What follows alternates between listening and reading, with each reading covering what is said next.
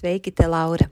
Vai gribi, ka cilvēku jaudas raidieraksts, jeb podkāsts turpinātos ar vēl citām epizodēm par tēmām, kas uzlabo cilvēku dzīves kvalitāti? Ja jā, tad lūdzu palīdzi mums atrast cilvēku jaudas auditorijai piemērotus reklāmdevējus, kuri saprota, cik vērtīga būtu viņu sadarbība ar cilvēku jaudu. Mums tā būtu iespēja sekt regulāras izmaksas, kas saistītas ar jaunu epizožu veidošanu un nodrošināšanu cilvēkiem, lai visiem bez maksas ir pieejama noderīga informācija, kas uzlabo dzīves kvalitāti un palīdz ieraudzīt jaunas iespējas un risinājumus. Ja gadījumā tu esi no reklāmas aģentūras vai tam līdzīga uzņēmuma, tad varbūt tu vari mums palīdzēt ar ieteikumiem un idejām, kā mēs varam sastapt īstos uzņēmumus, kuri būtu priecīgi par sadarbību ar cilvēku jaudu. Mēs meklējam risinājumu, kurā visi iesaistītie ir ieguvēji. Kad apkārtējie jūtas labāk, tad dzīvojam veselīgākā un atbildīgākā sabiedrībā, un jo kvalitatīvāka tad ir cilvēku dzīve. Ja tev ir praktiski risinājumi par to, ko tikko izstāstīju, mēs priecāsimies par tavu ziņu uz info at cilvēkjauda.lv ar informāciju, kā vari mums palīdzēt turpināt šo darbu par to, ko tikko lūdzu. Ļoti vienkārši jau ir nomainīt darbu, uzrakst atlūgumu un ej projām. Ja? Bet uh, būt uzmanīgiem ar to sajūtu, jo uh, dažreiz mēs cilvēki esam tā iekārtot, ka mums šķiet, ka darbs būs tā dzīves lieta, kur mums tagad atrisinās visas gandarījuma sajūtas un dos mums to pilno laimības grozu. Bet patiesībā dzīve sastāv no daudzām sfērām, un darbs ir tikai viena tā sfēra, kas mums dzīvē ir. Viņa ir ļoti svarīga, protams. Jaunā paudze, kas nāk darba tirgu šobrīd iekšā. Viņi nāk ar citu vērtību sistēmu, un tajā vērtību sistēmā iespējams viņi no saviem vecākiem ir uh, noskatījušies, kā ir, kad strādā pārāk garas stundas, ka varbūt nejūtās tik ļoti novērtēti. Un, tāpēc viņi saprot, viņi tā vairs negrib strādāt. Viņiem darbs būs piemēram viena no dzīves sfērām, nevis visa dzīve. Taču te ir arī tā ļoti labā puse, kas ir jaunai paudzei. Viņi meklē jēgu, visās darbībās meklē jēgu. Dažreiz ir jārēķinās, piemēram, ka tā uh, dzīves karjera nevienmēr iet tā skaisti. Mums tikai uz augšu, tikai uz augšu, un ir nākamais amats, un ir nākamais amats.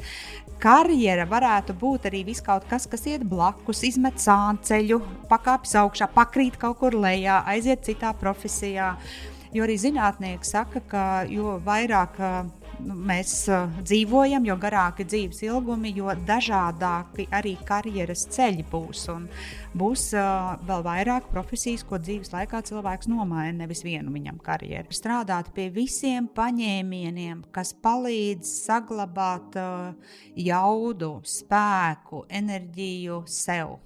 Tā kā likt sevi centrā, likt sevi pašu, pašu, pašu galveno. Es esmu Laura Denlere. Projektā Cilvēku jauda es izjautāju zinātniekus, mediķus, sportistus, uzņēmējus un citus radošus, gudrus un drosmīgus cilvēkus. Šīs sarunas palīdz iepazīt sevi un vairot savu cilvēku jaudu.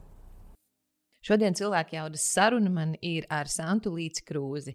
Sante ir Printful Latvija personāla vadības un kultūras direktore. Es ļoti augstu vērtēju Santas darbu, jo mēs esam kopā veidojuši sarunas cilvēku jaudas kluba biedriem par to, ko viņi var darīt savā labā, lai uh, viņiem ir lielākas izredzes dabūt labāko amatu, lai viņiem prasmīgāk izdodas virzīt sarunas, piemēram, par atalgojuma paaugstināšanu vai par to, kā savā sarežģītajā situācijā vispār tikt pie darba, neskatoties uz visdažādākajiem ierobežojumiem. Un, tā kā man ir bijusi iespēja dzirdēt Santas daudz un dažādas atbildes, kas visas ir pilnas ar risinājumiem, man bija skaidrs, ka mums ir jāorganizē šī saruna, jo mūsu jauda lielā mērā ir saistīta arī ar mūsu naudu. Tad, kad mēs strādājam, mēs jau to nedarām parasti tikai dēļ altruistiskiem nolūkiem. Mēs tomēr strādājam, lai pretī par to saņemtu naudu. Un tieši tāpat tās darba devējs arī darbu kādam dod, jo tas ir izdevīgi, ka ir darba ņēmējs, kas eh, dara darbu, kuru pats darba devējs vai nu nevar, vai nav ar mieru darīt. Un līdz ar to mūsu sarunai būs divas daļas, Santa. Ja? Pirmo mēs veltīsim, lai mums ir, eh, mēs varam parunāt par to, ko no personāla vadības tavām zināšanām ir izdevīgi izmantot darba devējiem. Tas nenozīmē tikai uzņēmumu īpašnieki, tie var būt arī vadītāji, vidējā līmeņa vadītāji, kuri saskarās ar to, ka ir jāpieņem darbā adekvāti piemērots cilvēks. Un otru daļu, mēs, un lielāko visticamākais, tad mēs veltīsim tiem, kas ir darba ņēmēji, kā tu to skaties. Nu, izklausās pēc laba plāna. Piekrītu. Superīgi. Cik gadus tu jau strādā personāla vadībā? 12. Jā. Bet es esmu visu savu apzinīgo mūžu strādājusi kopā ar cilvēkiem, cilvēkiem un esmu arī, kā mūsdienās saka, ir pat profesija klasifikātorā profesija, izaugsmes veicinātājs. Un, ja man būtu jāsaka tāda sirdslieta, man ir uh, būt kopā ar cilvēkiem, veicināt viņu izaugsmi, strādāt, atbalstīt, motivēt, uh, iedvesmot. Nu, tas ir arī viss, tas, ko es daru. Un vēl tu esi kočs. Jā. Vari pastāstīt, ko tu dari kā kočs? Jā, tas kočs arī ir tas izaugsmas veicinātājs pēc profesijas klasifikātora tagad. Un kā kočs es attīstu cilvēku dažādas prasmes, kuras viņi paši vēlās, piemēram, pašefektivitāti, dažādus rīkus, kas nepieciešami, lai varētu strādāt produktīvāk, mazāk stresa un tam līdzīgām lietām. Skatoties uz visu dzīvi kopumā, varbūt ir jāmaina profesija, varbūt ir kaut kādām kompetencijām jāpastrādā citām. Uh, un jā, arī amata maiņa, arī karjeras plāna izstrāde. Nu, praktiski šādas tēmas ir ikdienā. Un e, tie cilvēki, kas pie tevis nāk, meklēt risinājumus savai nu, dzīvei, savai darba dzīvei, kas nav saistīti tikai ar uzņēmumu, kurā tu strādā, kas saka, ka Santa, nu, var man nokonsultēt, es zinu, ko tu dari. E, kas ir tas e, vai nu vecums, vai kā tu viņus raksturotu, kas viņiem ir kopīgs? Visiem kopīgais noteikti ir tas, ka viņiem ir kaut kāda neapmierinātība ar esošo stāvokli.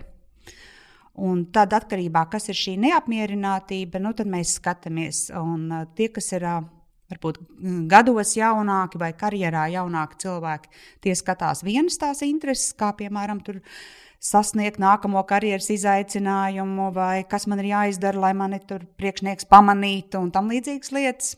Un tad, kad tie, kas atkal gados vecāki, tie varbūt skatās, varbūt man varbūt vispār karjera jāmaina, varbūt man ir jādara absolūti kaut kas cits. Un, bet uh, jā, pamata lieta, kas visiem ir kopīga, ka viņi nav apmierināti ar esošo stāvokli. Mm -hmm. Un vairāk ar tevi konsultējās vīrieši vai sievietes? Vairāk ir sievietes, bet ir arī vīrieši. Vīrieši vairāk ir tādi ļoti produktīvi, viņi ir nodefinējuši ļoti skaidri, tad, ko viņi vēlās jā, vai ko viņi nevēlas. Un, eh, ja tu tagad kaut ko tu zini šobrīd, kā personāla vadības uh, gudrs cilvēks ar milzīgu pieredzi, jums cik cilvēki ir uh, uzņēmumā, par kuriem tu savā ziņā esi atbildīga? Apmēram 600. 600. Līdz ar to nu, tavs, tu esi ļoti plašs zināšanu lokus, plus jūsu uzņēmums vēl ir ļoti laika, nu, mūsdienīgs, ārkārtīgi moderns. Reku Dāvis Siksnāns arī pie mums bijusi saruna, kur visi var pārliecināties. Ļoti labu sarunu iesaku, iesaku noklausīties vai noskatīties. Un, ja tu tagad skaties uz atpakaļ, un, piemēram, tu šobrīd būtu kā darba meklētājs, tev būtu nu, apmēram teiksim, nu, 30 gadi kaut kur, vai arī tu strādā tajā vietā, bet tev ir sajūta, man liekas, ka es kaut ko citu gribētu. Kas būtu tavi ieteikumi pašai sev? Tajā it kā šī brīža situācijā, bet vienkārši savai jaunākajai versijai, vai nu nevilkt garumā kaut ko, vai ko, ko vēl ņemt vērā. Kas ir tās lietas, ko tu cilvēkiem visbiežāk atgādini? Mm, pirmā noteikti ir, ka, mm, ja ir kaut kāda neapmierinātība parādījusies, tad meklēt, uh, meklēt risinājumu, skatīties, vai tas ir kaut kas, kas ir pārējoši, kas ir pilnīgi noteikti iespējams, varbūt. Un, ja tas tomēr nav pārējoši, tad uh, meklēt risinājumus, nevilkt garumā un tiešām meklēt risinājumus, konsultēties, iet pie kočiem, iet pie karjeras konsultantiem, iet runāt ar tiešo vadītāju, izvilkt ārā savu CV, apskatīties, ko es protu, ko es neprotu, paskatīties, kas vispār notiek darba tirgu. Un sekot līdz tā laikam, paskatīties, kas varbūt kaut kas ir mainījies, varbūt ir kaut kāda vieta, kas man gaida. Jā, man liekas, ka cilvēki par vēlu konsultējās, ka parasti Jā. nogaida vismaz trīs gadus, lai vispār sāktu, un liela daļa pat piecus un vairāk. Un tur ir tā, varbūt tā kreisā puse, ka jo ilgāk gaida, jo vairāk var būt cieši pašapziņa. Vai mazliet nolaižās tie tādi spēju enerģijas spārniņi, ja, ja to tā var nosaukt. Un, uh, cilvēks varbūt netic savām spējām tik ļoti, cik viņš būtu ticējis sev pašā sākumā. Un tad jā. arī būtu bijis vieglāk kaut jā. ko darīt un risināt. Jā, ne? jā. Tieši tāpat ir ļoti uh, forši, ja cilvēks, piemēram, starp darbiem izmanto nelielu pārtraukumu, lai dabūtu enerģiju, pameklētu sevi un tam līdzīgi. Varbūt izmantot uh, mūsu valsts nodrošinātos pilvēnu bezdarbnieku pabalstu. Taču, jo ilgāks tas posms ir, jo vairāk tu tomēr esi ārpus apreķis. Pētījumi rāda, ka pat seši mēneši var būt kādās profesijās diezgan liktenīgi, lai pēc tam tiktu atpakaļ.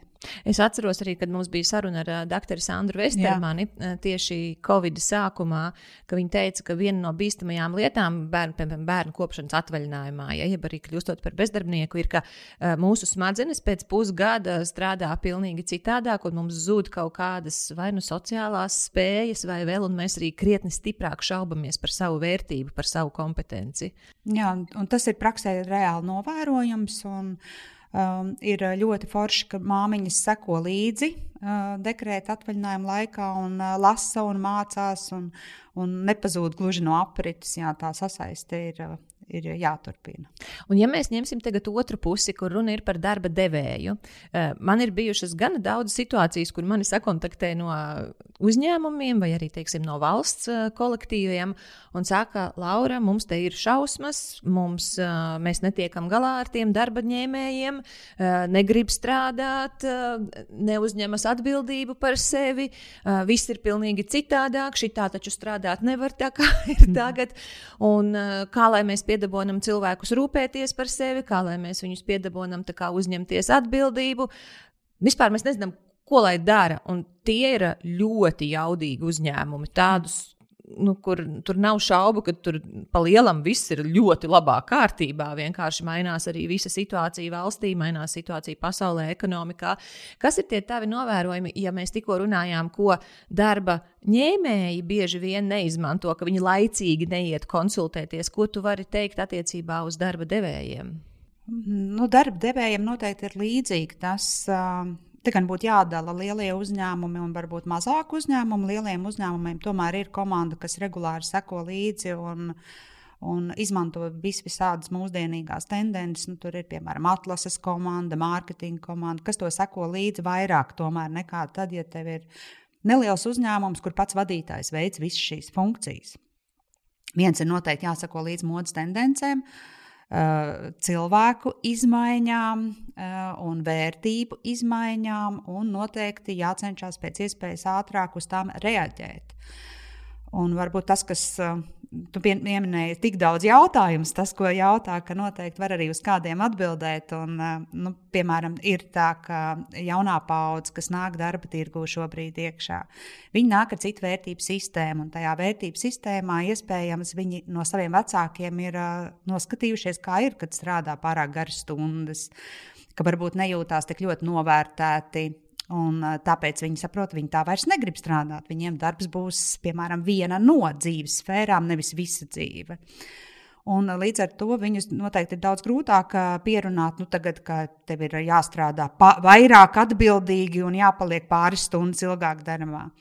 Taču te, te ir arī tā ļoti labā puse, kas ir jaunai paudzei. Viņi meklē jēgu, visās darbībās meklē jēgu. Tas nozīmē, ka Ja darba devējs laicīgi par to padomā, kā parādīt to jēgu, kā to ikdienā atgādināt, kāpēc mēs to darām, tad arī jaunās paudzes kolēģi labprāt Uh, sajutīs to misijas apziņu un, un, noteikti, piemēram, arī izvēlēsies, ja tas būs nepieciešams, labākai profesijas apguvēji vai augstākai um, nu, profesionalitātei, ka man ir, piemēram, jāpadežūrē pa naktsmaiņās, lai es redzētu uh, piemēram, slimnīcā. Ja? Kādi varētu būt uh, gadījumi, kas parasti naktīs notiek vai svētku dienās, un tad parādot to un izstāstot jau pašā sākumā, ka tikai tādā veidā tu vari kļūt par to speciālistu, jo tikai tajās laikos tu redzēsi šīs lietas, kuras citur tu neredzi, parāda to jēgu, un tad cilvēks kļūst vairāk motivēts, jo viņš to dara.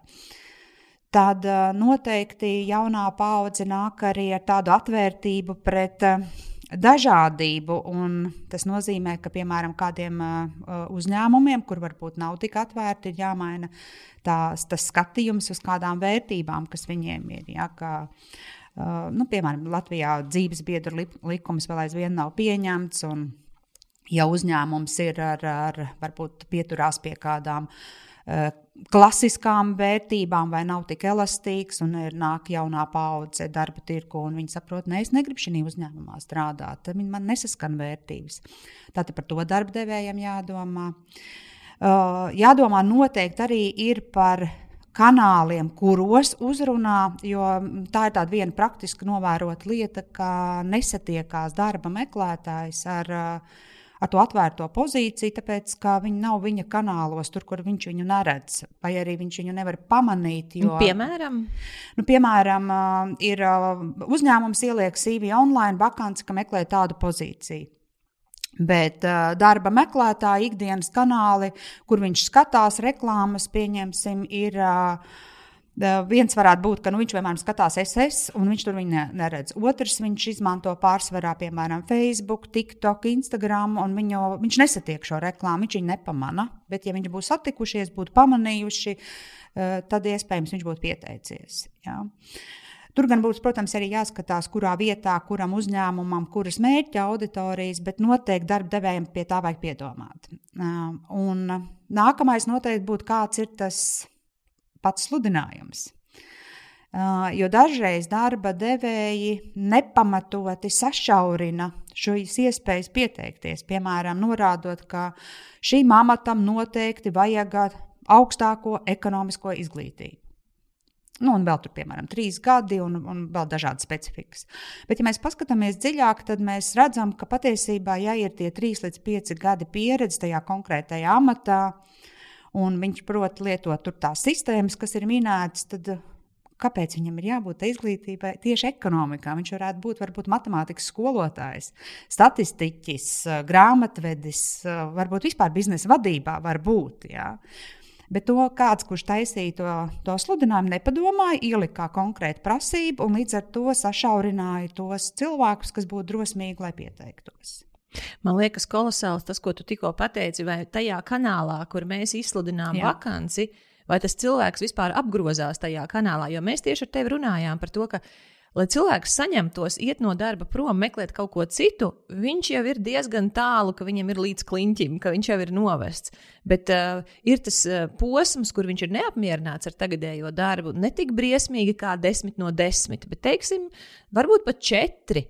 Un viņš varbūt būtu atvērts tai jaunajai vakancei kaut kur, bet viņš vēl nav stadijā, kur viņš sēž CV, CV online uh, mājaslapā. Uh, uz CV online, un labi, ir viena daļa cilvēku, kas ļoti apzināti piestrādā pie savas karjeras mm. attīstības. Viņi kā man ir jāiečeko, kas tur vēl ir, ja nu kaut kur kaut kas labāks ir. Bet es nezinu, pēc tavas pieredzes, man liekas, tāda ir mazāk kā 10%. Varbūt tās tev kaut kādi citi cipari ir. Ne, tā ir tāda ir maza grupa, tieši tāpat kā citi, kā ir nu, iespēja, protams, LinkedInā to atver un apdeitot to savu profilu un ierakst, ka tu esi atvērts jaunām darba iespējām. Taču, ja tu esi stabilā darbā, kur patiesībā tev vēl nav līdz desmit slikti, bet tu labprāt izskatītu pozīcijas, tad tu, ne, tad tu neatstāji tādu atzīmi, kā arī jaunā paudze bieži vien izvēlās nebūt LinkedIn vai Facebook. Līdz ar to, kā tad atrast viņus, kurā vietā. Un jā. tas būtu TikToks, es tā saprotu. Viens ir TikToks, tas var būt dažādas uh, interešu grupas, klātienes interešu grupas, uh, dažādi pasākumi. Piemēram, tur ir nu, kaut kāds apkaimes pasākums, kur noteikti būtu arī uh, jādodas darba devējiem un jāskatās, vai gadījumā šāda veida apkaimes pasākumos nevajadzētu būt tomēr kaut kādam standam, kur es parādu savu uzņēmumu. Izstādes un cita veida pasākumi Man arī nav noteikti visas atbildes, jo es esmu tādā pašā pozīcijā, ka meklēju tos kanālus, bet tā ir tāda kopīga darba devēju problēma šobrīd. Tieši skat, ne, nepietiek, ka tu ieliec savā mājaslapā vai CV online. Nē, ir jāmeklē vēl un vēl veidi, kā mēs varam aizsniegt tos. Un tieši lai aizsniegtu tos, kas ir labi darbinieki. Jā Bet viņi vēl nav tik izmisuši, ka viņi aktīvi meklētu Jā. sev darbu. Ja? Jā. ja, ja izdotos nonākt viņu redzeslokā, tur varētu sanākt diezgan labi risinājumi un krietni vairāk cilvēku. Šis man nebija ienācis prātā. Paldies! Tās. Tu teici, ir vēl jāsako līdz dažādām modes tendencēm, un tu izstāstīji par modes, nu nevis modes, bet tādiem tā kā, trendiem, kas ir attiecībā uz jauniem cilvēkiem. Bet es esmu pamanījusi tagad, ka mainās ne tikai tas, ko jaunieši meklē, mainās arī tas, ko meklē 30 gadnieki, 40 gadnieki un arī 50 gadnieki. Neskatoties uz to, ka pirms 10 vai 20 gadiem, vai pat nezinu, septiņiem gadiem cilvēks varbūt bija ar mieru viss ieguldīties un iet tajā darbā iekšā. Viņš joprojām ir lielisks speciālists, viņš joprojām ir lielisks mm. cilvēks. Bet arī viņš vairs nav ar, ar mieru darīt Jā. kaut ko. Kas ir tās tendences, eh, ko tu esi pamanījusi attiecībā uz cilvēkiem, kas nav Gen Z, jeb eh, Z paudze, kas ir jau, nu, nezinu, arī mileniāļi, 30 gadnieki, 40 gadnieki? To, ka noteikti vēlās um, paši piedalīties savā dzīvē vairāk, kas nav tikai darbs. Tas nozīmē, ka vēlas noteikti, lai būtu iespējas nodarboties ar hobijiem, lai vairāk var savienot darbu ar, ar ģimeni. Un, uh, arī darba devēji note, uh, noteikti gan pēc covid, gan vispār mūsdienās jau nāk pretī, ka nav jābūt vairs mm, daudzās vietās, astoņos darbā, ka var aizvest bērnu uz bērnu dārzu un ierasties pēc tam darbā, uh, vai ka ne, var uh, izņemt bērnu no bērnu dārza, aizbraukt mājās un otro to pēdējo dienas daļu pabeigt no mājām strādāt, nu, tam līdzīgas lietas. Tas šobrīd ir visām uh, vecuma posmiem. Varētu būt arī tā tendence, kur varbūt tās ir gan, gan laba, gan sliktā puse. Nu, sliktā puse ir tā, ka ir jādomā vairāk par mentālo veselību un izdegšanu. Ja, tā mums ir šobrīd nu, diezgan liela varbūt, problēma, tā varētu teikt, pēc Covid apstākļos un, un, un tam līdzīgi. Labā lieta ir, ka cilvēki arī to domā. Un tas nozīmē, ka viņi pievērš uzmanību un skatās arī tai noslodzē, vai tas darba apjoms ir padarāms, vai viņš ir sabalansēts, vai es te neizdegu pa daudz. Uh, jā. Varbūt arī pazudusi tā lielā vērtība, ir, ka kādreiz atrada darbu, cilvēks strādāja 20 gadus vienā uzņēmumā, un viņam likās, jā, es esmu, es esmu lojāls. Taču šobrīd jau pēc kādiem pieciem gadiem cilvēks noteikti skatās, vai gadījumā es nevaru kaut ko pamainīt. Man taču pieredze, man CV pārāk garlaicīgi izskatās. Vajag vēl kādu amatu uh, vietu vai, vai vismaz nozari nomainīt. Es uh, pirms kaut kāda laika uzdevu Instagramā jautājumu, kas ir tas, ar kādu ciparu tu novērtētu, cik tu apmierināts esi tagadējā darba vietā. No 1 līdz 10, viens super neapmierināts, 10 izcili apmierināts. Cilvēki atsūtīja to cipariņu, kādu viņi ieliek. Un tad es pajautāju, kas tev pietrūkst, lai tu liktu desmit. Un atkal man atsūtīja atbildes. Un viena no tādām diezgan tipiskām bija, ka darba devējs par mani neinteresējas. Nu, es tā kā strādāju, ne, viņi nav slikti. Viņi man sprunguļus, nu, spieķos nebāž iekšā. Traucēt viņi netraucē. Bet nav nekāda interesētība no viņiem. Var sajust, kā, kā viņiem būtu viena alga. Ne, nu es zinu, ka nav viena alga, bet tomēr Kas ir tas, ko darba devējs var darīt, lai viņa komanda ilgāk gribētu pie viņa strādāt? Jā, nu te, te noteikti arī ir atšķirības starp paudzēm. Uh, un uh, varētu teikt, ka mazliet uh, tādas uh, pieredzējušākas darba paudzes uh, cilvēkiem vajadzīga mazāka ir tā ikdienas aprūpe. Viņiem, ja ir iedots lielais mērķis uzdevums, un ik pa laikam viņi saņem tādu atgriezenisko saiti, tad viņi vairāk pat grib, lai viņiem atstāja to atbildību, un viņi paši strādā un sasniedz mērķi.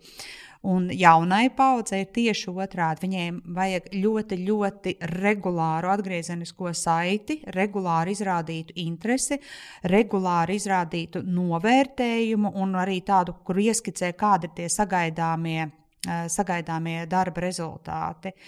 Man liekas, mazliet to var sagai, eh, salīdzināt ar to, ka tie jaunieši, kas nāk darba tirgu, viņi šobrīd ir tie ļoti aprūpētie bērni, nu, tie, kas nav no rīta līdz vakaram skraidījuši ārā paši pa, pa, pa pagalmu, un viņiem vienmēr ir bijuši vecāki, kas pieskata, kur ies no cikiem līdz cikiem, kā, un vai viss ir kārtībā, vai viss ir labi.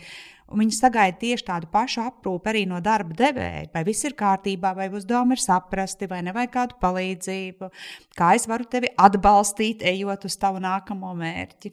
Ko darīt vidējā līmeņa vadītājiem? Jo tu tagad pastāstīji, kas viņiem būtu jādara, lai viņi tos savus padotos nepazaudētu, lai tie turpina.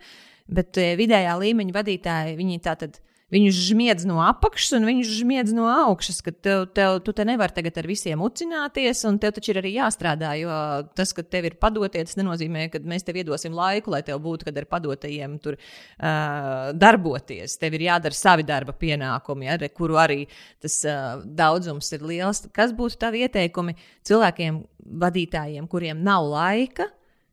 Bet, ja viņi pazaudēs tos darbiniekus, viņi būs vēl sliktākā pozīcijā, jo viņiem būs vai nu pašiem jādara kaut kāda daļa, vai arī jāmeklē jauni tie darbinieki, kas atkal ir ļoti liela slodze, laiks, kamēr viņi iestrādāsies. Bet laika ir maz, viņi arī ir noguruši, viņiem, viņiem arī baterijas sēžās. kas, kas būtu tavi ieteikumi, ja tu gribi, lai tavs kolektīvs uh, turpina veiksmīgi darboties, tev ir maz, maz resursu, laika, īpaši laika un enerģijas resursu, bet ko tu vari darīt? Nu, Vidējā līmeņa vadītāja ir viena no grūtākajām profesijām tieši dēļ tiem abiem diviem, uh, spiedieniem. Uh, es noteikti ieteiktu ņemt priekšā kalendāru un likt iekšā uh, laikus kaut vai pa mazām porcijām, kur liek to lielo uzmanību uz to komandu. Nu, piemēram, padalīt, varbūt, varbūt ir iespējams sadalīt, ka proporcija ir 60 pret 40. Piemēram, 60% no sava laika visvisādos veidos es lieku komandai, komandas mērķiem, tur, kur es nodeliģēju dažādus darbus, un tie 40% paliek tādā tā, tām lietām, kas jādara pašiem. Un skatīties, vai to dienā vai nedēļas, ja niedā to ne, nevar izdarīt, ja ir liela komanda, tad nedēļas griezumā, lai ir kārts laiks, kaut vai tās ir 15 minūtes, kad, ko es esmu veltījis konkrētam cilvēkam, lai viņš ir saņēmis to vadītāju uzmanību. Un uh, noteikti arī struktūrēti pieiet, saplānotu, kas ir tie jautājumi, kas man ar katru jāizrunā, ar kādu regularitāti es to varētu izdarīt, un kā man tas ir jāorganizē, lai es to spēju izdarīt 15 minūtēs. Ja, un tad veidot to plānu, un tad jau konkrēti veltot šo nelielo laiku, bet regulāri katram no tiem komandu biedriem noteikti būs tas, tas atbalsts. Ja, ka, uh, Un varbūt viņš pat nezinās, bet vadītājs būs salicis, ka vienreiz mēnesī ir uh, saruna par uh, mērķiem, vienreiz mēnesī ir saruna par kāds atbalsts nepieciešams. Bet visu to izliekot tajā mēnesī, konkrētās dienās un laikos un pieturoties pie tā plāna, būs tie cilvēki saņēmuši to aprūpi. Vēl var dažreiz darīt, ka daļa ir mutiski tiekoties un daļa ir rakstiski, kur arī dzan vadītājs var padomāt, ka viņš var kādas lietas darīt kopā ar visu to komandu, līdz ar to iespējams, ka 30 minūtēs neveltot katram šīs 30 minūtes, bet 30 minūtes kopā tiek izrunāti jautājumi, kas viņiem šobrīd būtu ļoti nepieciešami saņemt. Vai tu vari piedā, nu, Jā. parādīt vēl skaidrāk, kā to, kad ar visu komandu kopā to dara, kā tas izskatās? Uh, piemēram, vienreiz nedēļā ir 30 minūšu sapulce, kurā uh, zinu, ka manai komandai nepieciešams, lai viņi jūtas, ka viņi ir informēti par visu, uh, lai es esmu pacēlus kādu problēmu jautājumu un iespējams ieskicējusi uh, ko mēs darīsim tālāk. Un tad uh, ieviešu, ka ir piemēram 30 minūšu sapulces. Un šajās 30 minūšu sapulcēs uh, veltu piemēram 5-10 minūtes, kurās uh, iespējams pat atkārtoju ziņas, ko viņi citos kanālos ir lasījuši, bet uh, nu, parādu viņiem vēlreiz, ka rekur mums šādi jaunumi, rekur tādi fokusi, rekur mēs esam 23. solī no mūsu lielā mērķa. Uh, re, kur varbūt ir šī nedēļā īpaši vēlos paslavēt uh, Pēteri, Anniņu un Ilzīti. Re, kur mums nepieciešams ir atbalsts izr... tādi, tādiem jautājumiem. Iespējams, pat uh, šī sapulcēs varbūt kā aicinu katru reizi kādu uh, no kolēģiem izteikties par kādu jautājumu. Kā mm, Ilze teica, ka vēlās, lai mums būtu kāds team building. Kā jums šķiet, vai, vai mēs varētu, vai kāds no jums gribētu Ilzē iet palīgā un mēs varētu to kopā uztaisīt? Ka, kas būtu mums nepieciešams? Un, tā kā vērst tās sadarbības lietas, ko, ko varētu tur izrunāt tādos arī mācību lietas, piemēram, saprotot, ka mums kaut kāda lieta kā komandai neiet, tad tās kopējos pasākumos var nevis katru individuāli mācīt, bet organizēt, ka Mums ir atnāk kāds treneris, pasniedzējs, kurš iespējams tajā mikro mācīšanās stilā un veidā, tajās pašās 30 minūtēs parāda mums trīs uh, trikus, kā mēs tur kaut ko varam izdarīt ātrāk. Ja? Un, un visi priecīgi, visi ir saņēmuši, un, un, un, un visi redz, ka vadītājs rūpējās, jo sadzirdēja, ka mēs to nemākam vai ka mums tur aiziet laiks. Kā ir ar um, to situāciju reizēm? Kas man to, jā, es zinu, man tūlīt būs intervija ar vienu cilvēku, kur uh, man viņam ir jāuzdod jautājums, ko es redzēju, rakst, nu, par viņu rakstītu. Tad, kad uh, vadīja vienu kolektīvu un visu kaut ko organizēja, lai tiem cilvēkiem pavērtu jaunas iespējas, tad tā sajūta bija, ka tāds ir kā man vienam to vajag. It kā jau nu, es to visu daru viņiem, Bet vienalga, nu nav ne tā atbalsta, ne tās iesaistes. Un arī es esmu bijusi situācijās, eh, tiksim, ar saviem klientiem, kur arī vadītājs saka, nu, mums ir tāda un tāda problēma, mums te vajag risinājumu, mums vajadzētu kaut ko mācīties, mēs vajadzētu kaut ko pasākt. Un tad notiek šī saruna ar komandu. Un tiešām ir tāda sajūta, ka nevienam jau to nevajag. Tikai vadītājs ir kaut ko iedomājies, ka viņam vajag, lai gan tā nav taisnība. Tur tiešām ir tā problēma. Un, uh, un varbūt arī tad, kad pirmoreiz to saka, tā ir taisnība. Nevienam arī neko nevajag, jo visiem ir ļoti ērti tā, kā ir. Viņi ir pieraduši, iespējams, viņi tā strādā ne pirmo mēnesi, un viņi jau tajā vietā jūtās ērti.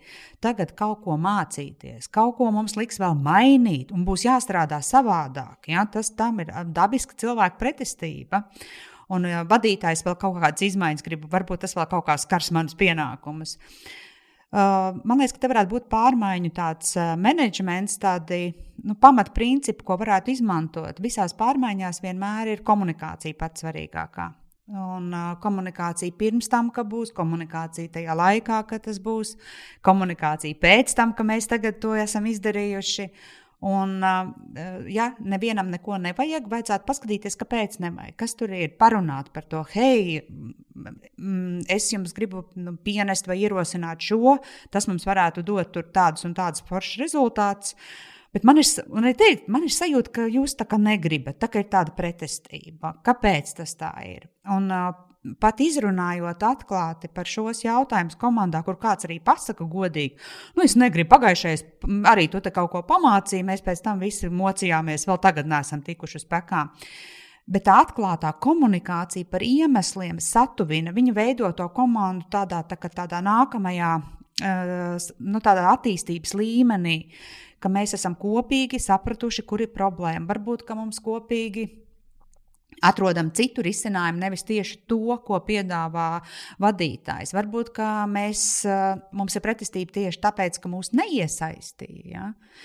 Ka varbūt ka mēs to problēmu redzam savādāk, nu, kā, kā darbinieki. Un, eh, jā, tur varētu būt vairāk gan iemesli, gan arī vairāk risinājumu, bet es domāju, ka pirmā lieta ir komunikācija.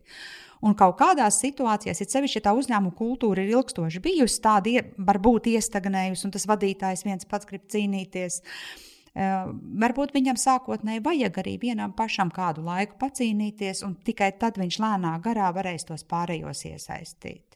Var arī skatīties, kas ir tie nākamie līderi, aicināt viņus palīgā pirms iet pie pārējās komandas. Viņi jau sagatavos to augsni. Viņi teiks, ka es runāju ar vadītāju, mums tur tāda jauna ideja, drīz prezentēs, es jau jūs pabrīdinu. Un tas sanāk, ka tādi pelēkie kardināli kaut kādās situācijās var vadītājiem ļoti labi palīdzēt. E, es tagad iedomājos to situāciju. Tas, tas kolektīvs un tas e, vadītājs, kurš cenšas kaut ko mainīt, jo viņš jūt, ka nu, tiešām mums vajag, jo cilvēki ir izteikuši arī kaut kādas savas neapmierinātības. Bet tad, kad visai komandai to liek priekšā, nu, re, kaut ko darīsim, tad tur ir tas man sajūta, ka man vienam tikai to vajag, ka nevienam citam to nevajag. E, cik gudri ir arī runāt ar cilvēkiem individuāli, jo ja es tagad uzrunāju visu komandu, saku, jau, bet kas tad jums īstenībā nepatīk?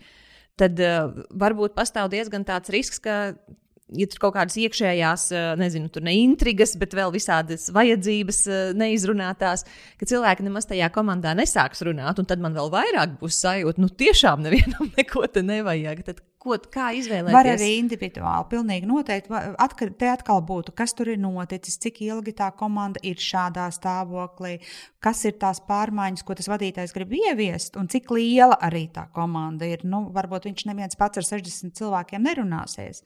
Taču, ja tā komanda ir aptverama 10, 12 cilvēki, tad pilnīgi noteikti viņš var izrunāties ar katru, saprast, kas notiek, kā viņš to redz. Nepateikt, varbūt, ko viņš gatavojas darīt, bet ieskicēt, ja vispār darītu ko šādu, kā tev šķiet, kā tas mūsu komandu ietekmētu, ko vajadzētu ņemt vērā, kā, kā tam konkrētam cilvēkam liekas, kādus riskus viņš saredz. Uh, Um, kāpēc tur jau iepriekš ir bijusi sajūta, ja mēs jūtamies, ka vadītājs jūties kādreiz, man ir sajūta, ka mūsu komandai neko nevajag, vai gadījumā tev ir bijušas līdzīgas sajūta, no kurienes viņi varētu nākt. Un tad viņam iznāks ārā 12, piemēram, viedokļi, kur varbūt būs situācijas, kur sapratīs, kāpēc tā ir. Uh, ko vēl vajag papildus ņemt vērā, vai šis ir īstais brīdis, kad darīt to, ko viņš ir iedomājies darīt. Uh, un arī par veidu un formu. Jo citreiz ir tā, ka nepieciešams noteikti ir kāds no malas, kas izdara šo procesu, bet citreiz ir nepieciešams, ka viņš jādara no iekšas un tad piesaista tos pārējos. Un tur ir jāskatās arī tā, tā, tā dziļāk, kas tajā komandā notiek. Un ja mēs tagad paņemsim vispārējo tendenci Latvijā, ar ko mums ir jārēķinās darba tirgū, piemēram, tas, cik uh, iedzīvotāju skaits samazinās, kas ir tas, kas būtu tās, tā tava uh, realitātes sapurināšana, kā mīļie darba devēji. Lūdzu, rēķinieties, ka mums ir tas, tas, tas, un tāpēc nedariet šo, šo, šo, bet varbūt vairāk dariet to, to, to. Nu, Latvijā cilvēku skaits nepaliek vairāk, to mēs visi zinām, un Eiropā sabiedrība arī noveco. Tas nozīmē, ka tā, mums jārēķinās, ka cilvēku skaits ir mazs un iespējams arī gados vecāks. Tātad darba devējiem ir jāskatās, kā var apmācīt cilvēkus darba vietā, gan to paskatīties uz jauniem, kuriem tikko māca amatu. Tur arī ir nodarbinātības valsts aģentūras dažādas programmas. Gan arī skatītos, skatīties, kā gados vecākus cilvēkus var pārkvalificēt vai iesaistīt daudzās profesijās, būt arī elastīgiem vispār un uz to, ko meklē un kā meklē, un vai tiešām vienmēr vajag gatavu speciālistu, vai tiešām nevarētu būt, ka to cilvēku apmāca pie tam ļoti īsā laikā. Noteikti vajadzētu arī atmest visādus stereotipus un aizspriedumus. Piemēram, Piemēram jaunas sievietes, nu, viņas apprecēsies un drīz būs bērni. Nu, forši. nu, bet viņas tagad nestrādās veselu gadu nu, vai pusotru. Jā, bet pēc tam viņas atgriezīsies un ļoti forši laimīgi darbinieki būs. Arī māmiņas pēc dekrēta, nu, man pieredze rāda, ka ļoti labi uh, plānotāji, struktūrēti, organizēti ir māmiņas, jo viņas ir ar bērnu visu to iemācījušās. Plus viņas ir tā noilgojušās pēc darba un citiem cilvēkiem, ka ir nu, tiešām lieliski, lieliski darbinieki. Tā tad nevis baidīties, ka viņai bērns slimos un tāpēc viņa man Jā. nestrādās, bet sēdēs ar bērnu slimības lapu, bet tieši novērtēt, ka novērtēt. tad, kad viņi darīs, viņi izdarīs ritīgi Jā. daudz. Jo arī nu, bērnu slimos, nu, mēs neviens neesam pasargāti arī, ka paši saslimstam. Mēs neviens no tā neesam pasargāti aizsargāti. Un, un uzņēmumam nu, vajadzētu tomēr uh, rēķināties ar to uzņēmēju darbības risku, ka jā, tā var gadīties. Jā, ko es darīšu? Kā, man, kā izveidot kaut kādu aizstājamības politiku jā, kaut kādās situācijās, vai uh, varbūt ir kaut kas, kas nav tik, tik, tik, tik traki, ka, nu, kad apstājas uzņēmums, tad varbūt man tur vajag divus cilvēkus, nevis vienu. Ja? Nu, tā. Vēl var noteikti skatīties arī, man ļoti patīk, un, un kā pozitīvais piemērs Latvijas darba tirgu ir, piemēram, uzņēmums Rīmī, kuram ir bijušas divas ļoti, nu, noteikti vairākas, bet divas tādas kampaņas, kas man ir iespiedušās atmiņā. Ir viena bija par cilvēkiem ar dažādiem ierobežojumiem. Man liekas, ļoti Eh, ekscelenta iespēja uzrunāt, eh, viņi, viņiem arī izdevās uzrunāt eh, iespējamos darbiniekus, atrast viņiem pielietojumu un, un iemācīt kaut kādām konkrētām jomām. Tātad neizslēgt arī kādas šādas grupas mūsdienās, kad ir iespējams strādāt un organizēt darba vidi, attālināt ļoti daudzām profesijām. Plus vēl modē šobrīd ir arī, un cilvēki gribētu strādāt mazāk, tad varbūt šeit ir tā iespēja nepilnām darba slodzēm. Un uh, otra kampaņa bija arī, kā, kā reklāmās gados uh, vecākiem cilvēkiem, kā mēs novērtējam iegūto pieredzi. Arī liekas lieliskā, lieliskā mērķa auditorija. Un lieliski uzrunāja un lieliski iesaistīja arī ir, uh, ir darbinieki. Jā, tas varbūt arī vēl viens tāds stereotips, kas, cilvēki, uh, kas uzņēmumiem ir, ka viņiem liekas, ka nepieciešams noteikti ir kaut kāds konkrēta vecuma vai konkrētas specialitātes cilvēks. Ir jomas, kur, protams, jā, nu, darba aizsardzības speciālistam ir jābūt konkrēti certifikātu, bet visur, kur citur, nu, tiešām var skatīties elastīgi un nepalaist garām iespējas, kur, kur, kur tās ir. Kas ir tās lietas, kas traucē tad, kad cilvēki ir gados vecāki? Un, zini, tas ir smieklīgi. Es saku, gados vecāka. Man, man ir 43. Jā, Jā līdz ar to es esmu tas tūlīt gados vecākais cilvēks, kā mēs parasti Jā. iedomājamies, kamēr nesākam paši savus gadus skaitīt. Kad domā, es nevaru atļauties pieņemt darbā 50-gadīgu darbinieku, jo tad eh, tas darbinieks mani, kam ir 32 gadi, neklausīs. Vienkārši, mm. arī varbūt cilvēkam tiešām ir pieredze, ka tie gados vecākie cilvēki pēc piecām minūtēm, kurš es arī droši vien būšu, nu, jā, ja paveiksies un es tik ilgi nodzīvošu, tad um, viņi nav varbūt paši tie elastīgākie un kad ar viņiem ir jārunā kaut kā citādāk. Kā, kādi būtu tavi ieteikumi? Jo nu, pastāv diezgan liela tāda stigma, tomēr, mm. ka man ļoti daudz cilvēku, kas ir ap 50, uh, saka, es nevaru dabūt normālu darbu, man vairs, neņem, man vairs neņem darbā. Es gribu strādāt, es gribu tajā vietā strādāt. Jā. Es negrasos kļūt par vadītāju, lai tas vadītājs man ir tiem, tiem 30 gadiem, lai viņam tiek viss tā, tā, tā zupa negaršīgā, kas ir vadītājam jāzina. Man tas neinteresē, es gribu pie viņa strādāt, bet viņš man neņem darbā tikai tāpēc, ka man ir tik un tik gadi, lai gan tas cilvēks ir ļoti nu, advancēts, tas, tas 50 gadīgais. Un tur ir vairākas lietas, uh, man sasmaidījās. Man liekas, es uzreiz atcerējos uzreiz tos jaunības domas, kad likās, ka pēc 30 jau vairs nedzīvo. Tur dzīve ir noteikti beigusies.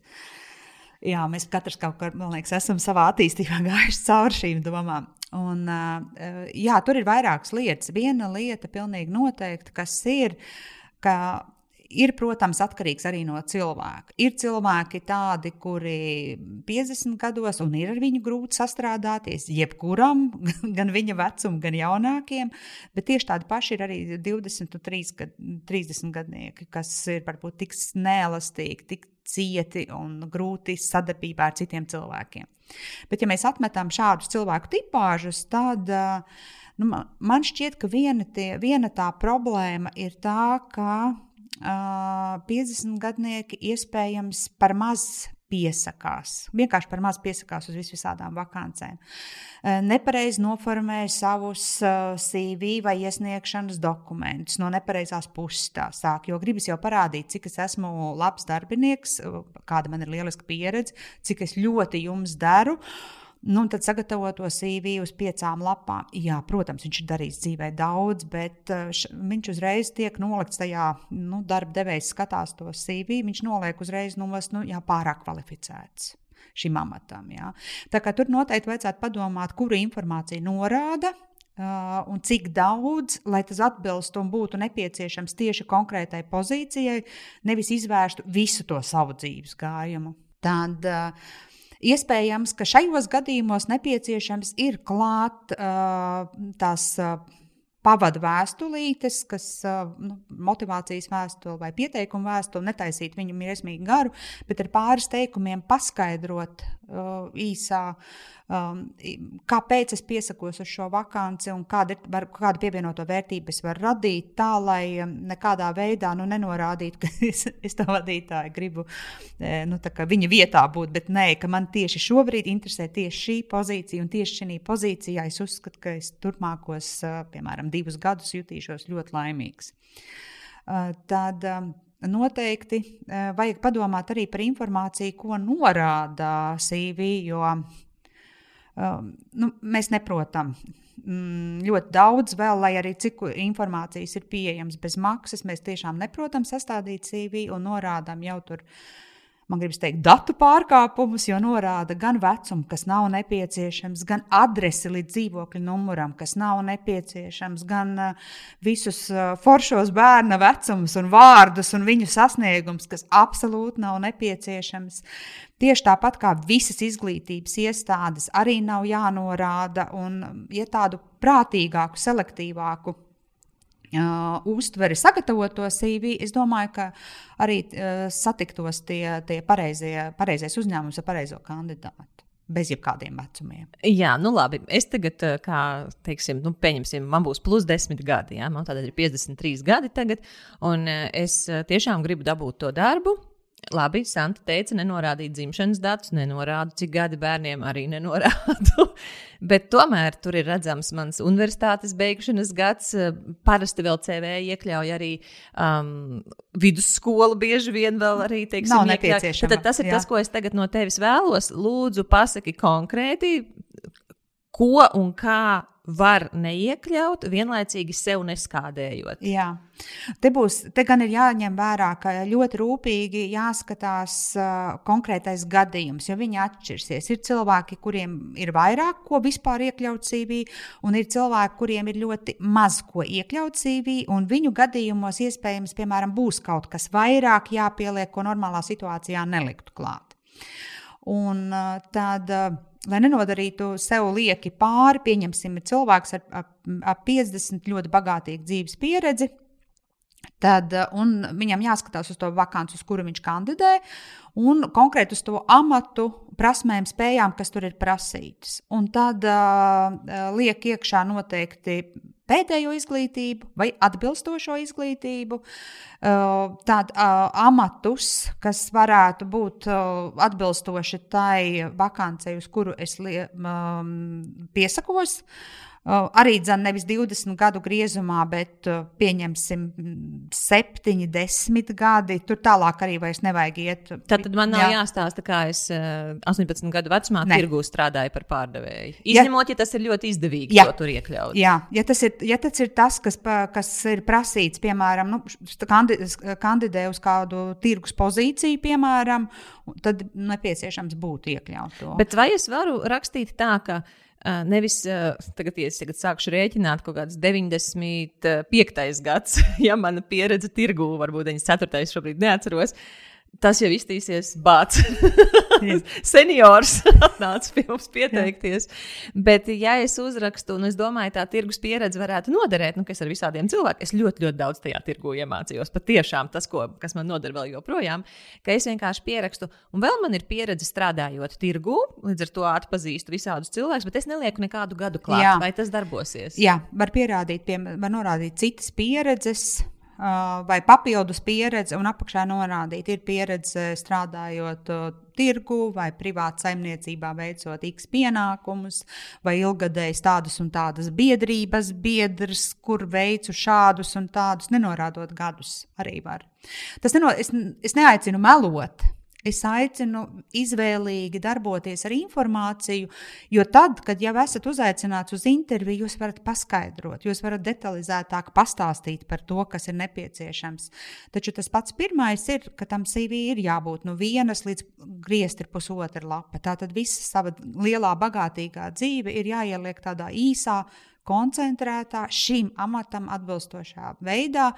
Nu, lai man atsūta to uzdevumu, lai mani uzaicina uz interviju. Un tad jau es varu izvērstāk. Jā. Mm -hmm. Es uh, atceros vienu no mūsu pēdējām sarunām cilvēku jaudas klubā, kur tas jautājums, ko tev uzdeva, bija tāds: tā, es jau biju uz, piemēram, deviņām intervijām, ne labi, tur cipars bija astoņas. Es biju uz astoņām intervijām, uh, un man nekur nepaņēma tālāk. Kas ar mani nav riktīgi? Tad tava reakcija bija, pirmkārt, tu biji uz astoņām intervijām, ar tevi kaut kas ir ļoti riktīgi. Jā, astoņas intervijas mūsdienās. Nu, ne, nu tas, ir, tas nozīmē, ka tur ir pēc tā diploma un pēc pieteikuma vēstules, un, un tas amats, uz ko iet, noteikti ir kārtībā. Tur, tur ir tās savstarpējais, viss ir pareizi.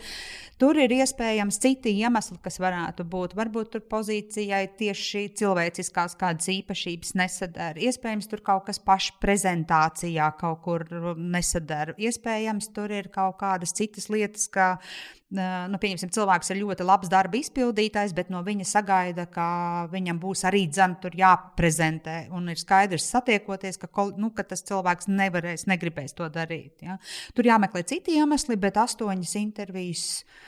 Jā, tas ir, tas ir bagātīgi. un cits savukārt paņems tā, ka es biju uz četrām intervijām, nu, dažādās vietās, un mani nekur nepaņēma. Tā viss, es vairs nemeklēšu darbu, es turpināšu sēdēt šajā vietā. Man nekur nevajag. Varbūt, ja es pats taisīšu savu biznesu, nu, tad varbūt tās kaut ko citu darīšu. Tad vai tu vari ieviest ar savām zināšanām skaidrību, kā vispār skatīties uz to savu interviju statistiku vai uz CV izsūtīšanas, uz pieteikšanās statistiku, lai cilvēki ne, nesāktu sevi neadekvāti novērtēt, norakstīt sevi vai norakstīt tos pārējos, pasakot, nu viss nav lemts. Ja, ja tu esi bijis tāds aktīvs, čakls, darbinieks un darba ņēmējs vai pieredzējis, un tev pēc tam ir tā situācija, ka tu meklē darbu, un tevi no, no desmit izsūtītiem CV uz vienu uzaicina, tas nozīmē, ka tas ir ļoti labs. Tas ja, ir ļoti labs, tas ir ļoti labs rezultāts. Mm -hmm. Un situācijās, ka tu var, tev tas CV ir tāds mazāks, plikāks, tāpēc, ka tu varbūt nebija šīs iespējas kaut kāda apstākļu dēļ, tad tas skaitlis proporcija var būt vēl zemāka, ja piemēram 30 pret 1, un tas, tas arī ir ok. Vēl varētu būt, ka darba ņēmējiem es noteikti ierosinātu skatīties ne tikai, kā es meklēju vakances, uz kurām pieteikties, bet pameklēt vispār vairākus veidus, kā meklēt darbu. Viens ir pārvarēt latvisko kaunu. Jo to es esmu ievērojis pieredzē, ka pat ļoti, ļoti augsti kvalificēti speciālisti mirklī, kad dzīvē kaut kas pamainās, vai kad viņi gribētu kaut ko pamainīt, viņi, viņi kautrējas par šo situāciju. Bet eh, patiesībā tā nevajadzētu kautrēties, vajadzētu sagatavot CV un pirmais sākt ar to, ka visās savās draugu radu doma biedru un paziņu grupās uh, padalīties šo informāciju. Es, kur ir mans CV, ja meklēju šādu vai šādu veidu darbu, ja jūs kaut ko ziniet, lūdzu, droši ļauju, šērojiet manu to CV. Otrs, paskatīties arī dzenu uz personāla atlases firmām. Google iemetot Latvijā, var daudz viņas redzēt, un vienkārši tur visur ir info, uh, info e-pasti un nosūtīt uz tiem informāciju. Hei, re, kur ir mans sagatavotais CV. Ja ir nepieciešams papildus kāds, šī gadījumā tas CV var būt garāks, ar lielākām uh, atbildībām un, un tam līdzīgi. Uh, iedot informāciju, ja ir papildus kāda certifikācija vai vēl kaut kas, un iedot informāciju, ko es labprāt skatītos. Tas nenozīmē, ka no turienes būs atbild mēneša laikā.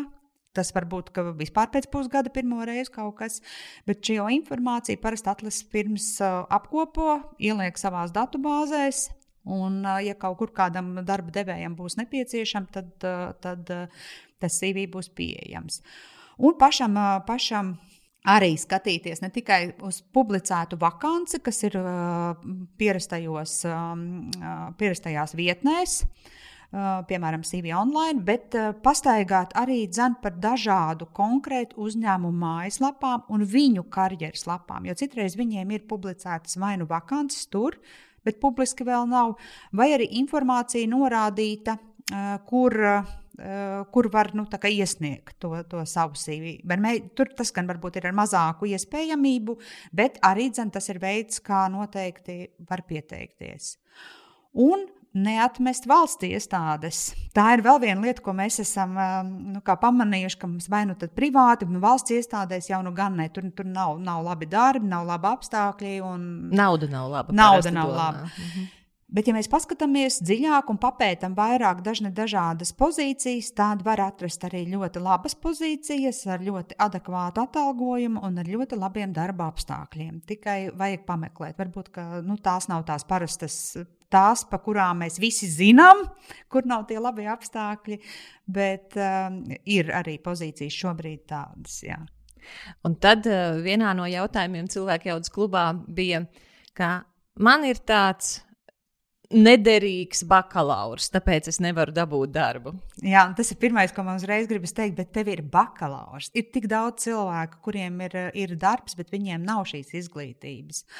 Nav tāds nederīgs uh, diploms. Neviens diploms nav nederīgs, tā kā tas ir pirmais. Otrs ir paskatīties, uh, neskatīties uz to bakalauru kā ka viņš ir nu, nederīgs vai kaut kādā ziņā mm, kaut kam neatbilstošs. Paskatīties uz to vienkārši, ka man, tas pierāda, ka man ir izglītība, tas pierāda, ka es lietas varu novest līdz galam, tas pierāda, ka tur vēl var noteikti var skatīties, kas tajā nederīgumā ir iekšā, ko var izcelt ārā, kas ir tās manas pievienotās vērtības.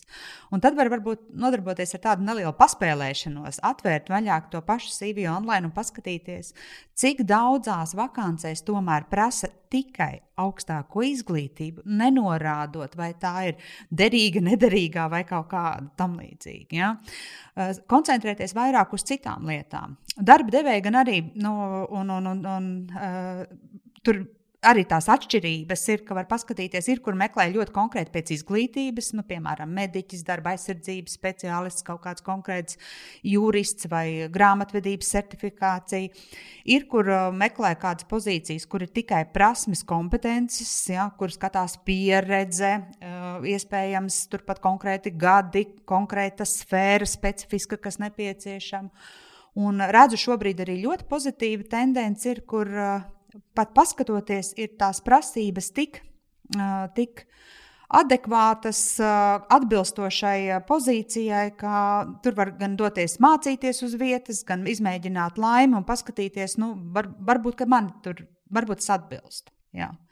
Vēl viena lieta, ko es esmu novērojusi no darba ņēmēja puses, ir tāda, tā, tur prasa to un to, un ja es tagad sākšu tur strādāt, Pēc tam es nevaru, jo man taču tie bērni ir. Es taču ne, nu, viņi, viņ, viņiem tas nederēs. Es nezinu, kā es viņiem to izskaidrošu. Varbūt bērni, varbūt tas, bet man ļoti ceļot patīk. Tad atkal nebūs tas un tas. Tā kā cilvēks jau risina problēmas, kuras viņam var būt, tikai būtu, ja viņš jau tur strādātu. Uh, Un beigās viņš pat neaizsūta savu CV, ja, ja varbūt pat neaiziet arī uz interviju, pat ja tik tālu jau ir nonācis ar domu tādu, bet man taču būs tās problēmas. Priekš kam tad man tur vispār iet un tad pieteikties? Man pirmais, tad gribas tev šāda veida cilvēkam pajautāt, vai tu vispār gribi šobrīd strādāt. Jo dažreiz tiešām ir, ka tās atrunas viņas nāk pa priekšu un atnāk ar tādu uh, lielu jaudu, Tāpēc, ka patiesībā es varbūt varu vēl nestrādāt, jo man ir atbalstoša ģimene, vīrs, un es nevaru vienīgi godīgi viņiem pateikt, ka es negribu vēl iet strādāt, gribu palikt mājās, pieņemsim, ar bērniem. Tāpēc es atrodu milzīgas tās atrunas. Vai arī man ļoti ērti ir tā esošā situācija, ka man tur ir nepilns slodzes darbs, un patiesībā viss izdara spiedienu, ka man vajadzētu kaut ko darīt, un tad es viņiem varu teikt, nē, tad es nevarēšu šito, šito, šito. Taču, ja atmetam to, un ir situācija, ka cilvēks uh, grib tomēr kaut ko darīt, bet viņš ieraudzīja tās lielās, um, kāpēc tur kaut kas neiznāks, Nu, tās ir izcināmās lietas. Tas nozīmē, ka es noteikti ierosinātu, lai iet, lai piesakās. Tad, kad būs šis darbs, darba devēji mūsdienās tiešām ir arī tieši tikpat elastīgi, cik darbinieki. Un, uh, var aizbraukt ceļojumos, var strādāt attālināti, var samanģēt uh, bērnu lietas. Nu, viss ir iespējams. Nu, ir ļoti reti amati, specifikas, kur tiešām nekas nav iespējams. Ja? Bet varbūt tad nu, izvēlēties, ka es neeju uz to specifisko amatu, jo es to nevaru šobrīd ar savu ģimenes situāciju atļauties, bet es eju uz to, kur, kur nav tik stingri tie nosacījumi. Un tad vēl viens no cilvēku jaudas kluba jautājumiem bija, es dzīvoju reģionā, man ir divi mazi bērni. Um, Kurie, kur ir jāvadā uz bērnu dārzu, un tad vēl viņi slimo. Nu, kuram darba devējam es vispār būšu vajadzīgs? Darba devējiem arī ir bērni. Viņiem, viņi arī viņus vadā uz bērnu dārziem, un viņi arī slimo. Mēs visi esam cilvēki, un visiem mums ir šīs lietas. Uh, Uh, un atkal, pēc tam, kad ir atmestas tās lietas, vai es vispār gribu vai negribu strādāt, arī dzen, var meklēt šobrīd uh, tajos pašos reģionos, paskatīties, aiziet līdz uh, tam pagasta centram. Uh, noteikti tur ir kādas biedrības, varbūt var rakstīt kādus projektus un darīt projektu darbus. Uh, jo tas mūsdienās ir diezgan populāri, sevišķi reģionos. Tas nozīmē, ka tu dažne, dažādos projektos vari nopelnīt sev algu un plānot to laiku elastīgi atkarībā no tās situācijas. Var meklēt nepilnas slodzes, attālinātus darbus. Ir pat tādas, kur, ir, kur zinu, ka no reģioniem brauc uz Rīgu, paņem, ir vienošanās un līgums, un paņem tur noteiktu kasti, ved mājās kaut ko tur saloka, ved viņu atpakaļ. Tas ir, tu vari darīt savi izvēlētajā laikā tieši tik, cik tu vari pagūt izdarīt. Ja. Ir iespējas, ir tiešām iespējas. Vairāk, Kur viņas atrast? Pirmkārt, jāgrib. Laikam tas ir pirmais. Jāgrib ir meklēt. Uh, tad uh, otrs ir droši doties uz tuvāko pašvaldības vai, vai valsts kaut kādu pārstāvniecību. Viņi arī zina ļoti daudz, it sevišķi tādos reģionos, bibliotekas, pagasts, jautāt, runāt. Uh, Uh, izmantot sociālos uh, tīklus, jautāt, arī grupas dažādas reģionālās. Ja tur, piemēram, dzīvo Valmjerā, tad pieregistrēties Facebook Valmjeras grupā, pajautāt jautājumus. Varbūt vienreiz neatbildēju, jo neveiksmīgā laikā uzrakstīji, nezinu, sestdienas vakarā, ja, kad neviens neatbild. Bet uzrakstu otrreiz, otrdienā, pusdienas laikā. Varbūt tur parādās kādi, kas, kas, kas atbild. Uh, skatīties un sekot līdzi arī populāros dažādus tos sludinājumu portālus. Uh, SSLV, kur kaut ko sludina, paskatīties CV online, nepilnas slodzes darbus, meklēt šādi. Tu vēl sacīki, ka tā, kad cilvēks piesakās uz darbu kaut kādā uzņēmumā, un uh, viņu neuzaicina uz interviju, viņš piesakās vēlreiz, viņu neuzaicina. Un tad ir tas, nu, viss tad jau nav jēga pieteikties. Jā, un izsvītro šo uzņēmumu. jo vienmēr ir tāda tā, tā sajūta tiem kandidātiem, ka redzes aizsūtīju šo uzņēmumu eh, pieteikumu šo vakanci. Un tagad viņiem taču ir mans CV, un ja viņiem vajadzēs tagad pēc tam trīs mēnešiem vai pusgada, rekurtā vakance man ļoti dara, viņiem taču tas mans CV ir, es taču pirms pusgada aizsūtīju. Nē, nav. Un te ir tam kandidāta atbildība. Ja redzi divas vakances, kurās tu uz vienu to pašu uzņēmumu, vai pēc pusgada tur ir cita vakance, vai varbūt pat tā pati vakance pēc pusgada ir, droši jāsūta vēlreiz pieteikums, paskaties, vai nevajag atjaunot CV, paskaties, vai nav kādas kļūdas vai par gramatiskām kļūdām mēs arī vēl varētu runāt. Jā. E, kādas kļūdas pieteikumos un atsvaidzini un sūti noteikti neizsvītro uzņēmumu, jo uzņēmums arī pēc visām datu regulām, viņš, ja tu neesi vienā konkursā izturējis tur, to atlasīt, tad tie CV tiek izcēsti, viņi netiek saglabāti pieteikumi un salīdzināti. Tas nozīmē, ka kandidātam katru reizi ir jāpiesakās. Jā. Un tā tad nevis uztver to personīgi. Jā. Ja? Es viņiem nepatiku, un tāpēc tas būs personīgi. Jūs man nepatīkat. Bet turpināt skatīties. Turpināt ir. skatīties, un vēl noteikti es pieminēju tās gramatiskās kļūdas. Uh, tā ir arī tāda lieta, ko noteikti pārbaudīt. Pats savā rakstītajā bieži neredz kļūdas, un ir vērts parādīt kādam draugam vai ģimenes loceklim, lai pāriet pāri kaut vai pa diagonāli izlasa, vai tur, tur nav kādas kļūdas. Jo dažreiz uh, pie tādām, tādiem amatiem, kur ir pieteikumi liela apjoma, tur jārēķinās, ka tam ir sevišķi lielās kompānijās liela apjoma pieteikumi, uh, ka tas atlases cilvēks iespējams ir pāris sekundes tikai uz to CV paskatās. Ja, un tad, ko viņš skatās, kļūdas, noformējums, pamata bāzes informācija Un vēl iespējams viņš skatās to atslēgu informāciju, kas bija norādīta tajā sludinājumā, kā, kur bija rakstīts, un savā pieteikuma vēstulē lūdzu norādiet trīs īpašības vai, vai kaut ko, eh, kāpēc jūs būtu labākais kandidāts. Un tad viņi skatās, vai tas ir ievērots vai nav ievērots. Un ko tas par cilvēku pasaka? Vai viņš spēs uh, uh, koncentrēties uz detaļām, vai viņš spēs izpildīt uh, norādījumus, vai viņam vispār norādījumi ir svarīgi. Un ļoti bieži tas, tā, tā ir tāda pirmā atlases kārta, vai viņš pamanīja to, kas ir prasīts, un vai viņš viņu izpildīja.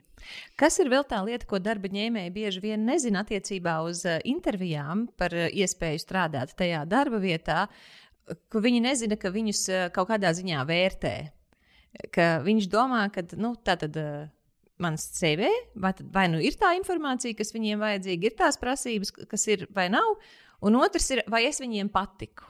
Bet kas mhm. cilvēkam varbūt neienāk prātā, ka, kas ir tie veidi, ko personāla vadība vai arī varbūt pat vadītāji izmanto interviju laikā, un kur cilvēks neparāda sevi no labākās puses tikai tāpēc, ka viņam liekas, kas tas pa fufeli tagad ir. Es par to patikšanu vispirms nokomentēšu, ka jā, bet tam tā ir lieta, ko kandidāti nevar sagatavoties. Un to nekad nevar arī zināt, un tam arī nav tādas pareizās atbildes, kā var būt, ka kaut kādā sajūtu līmenī vienkārši nepatīk viens otram, līdz ar to saprot, ka, lai cik labs būtu tas CV, ir skaidrs, ka tas vadītājs nevarēs sastrādāties, piemēram. Un tas var būt arī viens no kritērijiem, kāpēc kādu ļoti labu kandidātu neizvēlās, jo ir tā sajūta, ka nesastrādāsies. Taču pārējās lietas, ko kandidātam vajadzētu padomāt, ir, ka uh, vizuāli kā izskatās, jā, piemēram, vai tur nav kādas netīras drēbes vai tam līdzīgas lietas. Tas noteikti noteikti uzreiz ievelk mīnusiņus. To apskatās tajā intervijā. Vienmēr mēs strādājam vairāk vai mazāk, nu, kā kurā uzņēmumā varbūt uh, un amata specifikā, bet būs jāstrādā piemēram vai nu individuāli vai komandā. Tad tajā intervijā uh, uzdodot jautājumus, skatās, vai tas cilvēks būs tāds, ar kuru var sastrādāties, uh, vai viņš labprāt uh, atļaus izteikties arī otram, jo citreiz kandidāts atnāk un sāk to savu pašprezentāciju, un tas atlases vai vadītājs nemaz netiek pie vārda, lai uzdot jautājumus. Ja? Un mēģina iejaukties, un nevar iejaukties. Ja, tāda, tad uh, tādu iespējams būs grūtāk sadarboties, jo saprotams, ka arī komanda pie vārda viņš nelaidīs. Dažreiz intervijās tiek uzdot arī absolūti nu, tādi jautājumi, kur liekas, tas taču neatbilst uh, tieši tam, ko tai profesijai, ko es esmu izvēlējies, vai amatam, ko tas par mani pasaka. Bet tie jautājumi tiek uzdot ar mērķi paskatīties, kā cilvēks reaģēs sarežģītās, nepierastās situācijās. Jautājumi tiek uzdoti, paskatīties, uh, ko cilvēks dara, ja viņš absolūti nezina pareizo atbildi. Jo neviens no klātesošajiem iespējams nezina, jo tur nav iespējama pareizā atbilde vai viņš godīgi atzīst, ka viņš kaut ko nezina, vai kā viņš uzvedās stresa situācijās. Intervijas vienmēr ir stresa situācijas. Tas ir jebkuram kandidātam. Un tas ir dabiski, bet vēl papildus citreiz uzdod vēl kādu grūtu jautājumu. Ne visās profesijās tas, protams, ir vajadzīgs, bet, ja tur, piemēram, ir kāds pārdošanas cilvēks, uh, Eh, kuram ir eh, jādodas pie klientiem. Tur viņš nekad nevar būt pietiekami labi sagatavots visvisādiem cilvēkiem, situācijām, kas viņam varētu būt. Līdz ar to to mēģina noskaidrot intervijās. Un, protams, var izmantot dažne, dažādas arī interviju taktikas, kad ir grupu intervijas vai ir kaut kādi uzdevumi kopīgi jāpilda. Un, bet tas ir jau atkarīgs no kādām pozīcijām. Un kā ir ar tiem cilvēkiem, kas kādu laiku ir, ne, nu, nav bijuši darba tirgus apritē? Piemēram, uh, nu, tipiskāk tās varētu būt mājasaimnieces, tagad arī ir mājasaimnieki. Mums, piemēram, vairākos mm -hmm. draugu ģimenēs ir tā, ka sieviete strādā un vīrietis uh, dažādu apstākļu dēļ ir mājās ar bērniem. Vai arī vienkārši cilvēks ir ilgstoši mēģinājis dabūt darbu, bezdarbnieka pabalsts ir beidzies, bet viņš nevar un nevar dabūt to darbu. Ko darīt, lai palielinātu savas iespējas dabūt darbu? Nu, viena pirmā lieta ir noteikti. Ne, mēģināt atkārtot un doties visur, kur pieteikties un doties visur, kur uz intervijām, kaut vai tāpēc, vien, lai neaizmirstu šīs prasmes. Uh, tad noteikti var doties arī uz kādu konsultāciju, uh, lai paskatītos, vai ar visiem CV pieteikumiem un veidu, kā skatās uz profesijām un amatiem, viss ir kārtībā. Uh, Jo dažreiz ir jārēķinās, piemēram, ka tā uh, dzīves karjera nevienmēr iet tā skaisti mums tikai uz augšu, tikai uz augšu, un ir nākamais amats, un ir nākamais amats. Karjera varētu būt arī viskaut kas, kas iet blakus, izmet sānceļu, uh, pakāpjas augšā, pakrīt kaut kur lejā, aiziet citā profesijā. Jo arī zinātnieki saka, ka jo vairāk uh, mēs uh, dzīvojam, jo garāki dzīves ilgumi, jo dažādāki arī karjeras ceļi būs. Un būs uh, vēl vairāk profesijas, ko dzīves laikā cilvēks nomaina, nevis vienu viņam karjeru. Un paskatīties, varbūt ir pienācis laiks pas, pameklēt citu karjeras iespēju. Un, ja ir arī bijis šis ilgākais laiks, varbūt ir vērts pieteikties kādās, pār, kādās pārkvalifikācijas programmās, kas arī ir. Kur tās var dabūt? Man pirmais nāk prātā NVA uh, skatīties, bet ir arī tāda, es varu nokļūdīties, bet ir mūža izglītība skatīties. Gan man liekas, tas ir uh, pie izglītības ministrijas, gan arī pie tā paša NVA. Tur bija programmas, kas ir speciāli 50, plus, tur ir programmas, kas ir bezdarbniekiem, un tur ir problēma, programmas, kas ir darb, darbiniekiem, kas strādā, bet iespējams tuvojas kādai riska grupai. Un uz tām var pieteikties un papildus doties arī apgūt kaut kādu citu profesionālu kvalifikāciju. Kā darba devēji skatās uz dažādām online programmām, ko cilvēks ir apguvis? Jo nu, joprojām mums ir tas uzskats, ka ja tu sēdēji tajā augstskolā ar savu dibenu uz tā sola, tā, tad tā ir vērtīgāka izglītība nekā tas, ja tu kaut ko online apguvi. Tas ir ļoti atkarīgs no tās jomas, jo mirklī, kad ķirurgs uzrādīs online apgūtu diplomu, varētu būt, ka nu, tas netiks nopietni ņemts vērā. Es Tad... ļoti ceru, ka netiks. es negribētu trāpīties pie tāda ķirurga. Jā, bet tajā brīdī, ja tās, piemēram, ir Excel lietošanas prasmes apgūtas online, es neredzu nevienu iemeslu, kāpēc ar vēl praktisku uzdevumu izpildi, lai viņus neņemtu vērā. Viņš tikai liecinās par to, ka cilvēks uh, izmanto mūsdienīgi tehniskus līdzekļus, lai, pa, lai regulāri atjauninātu un papildinātu savas zināšanas. Un, piemēram, satura radīšana, Jā. video, sociālie Jā. mēdīji, nu, kur tu universitātē.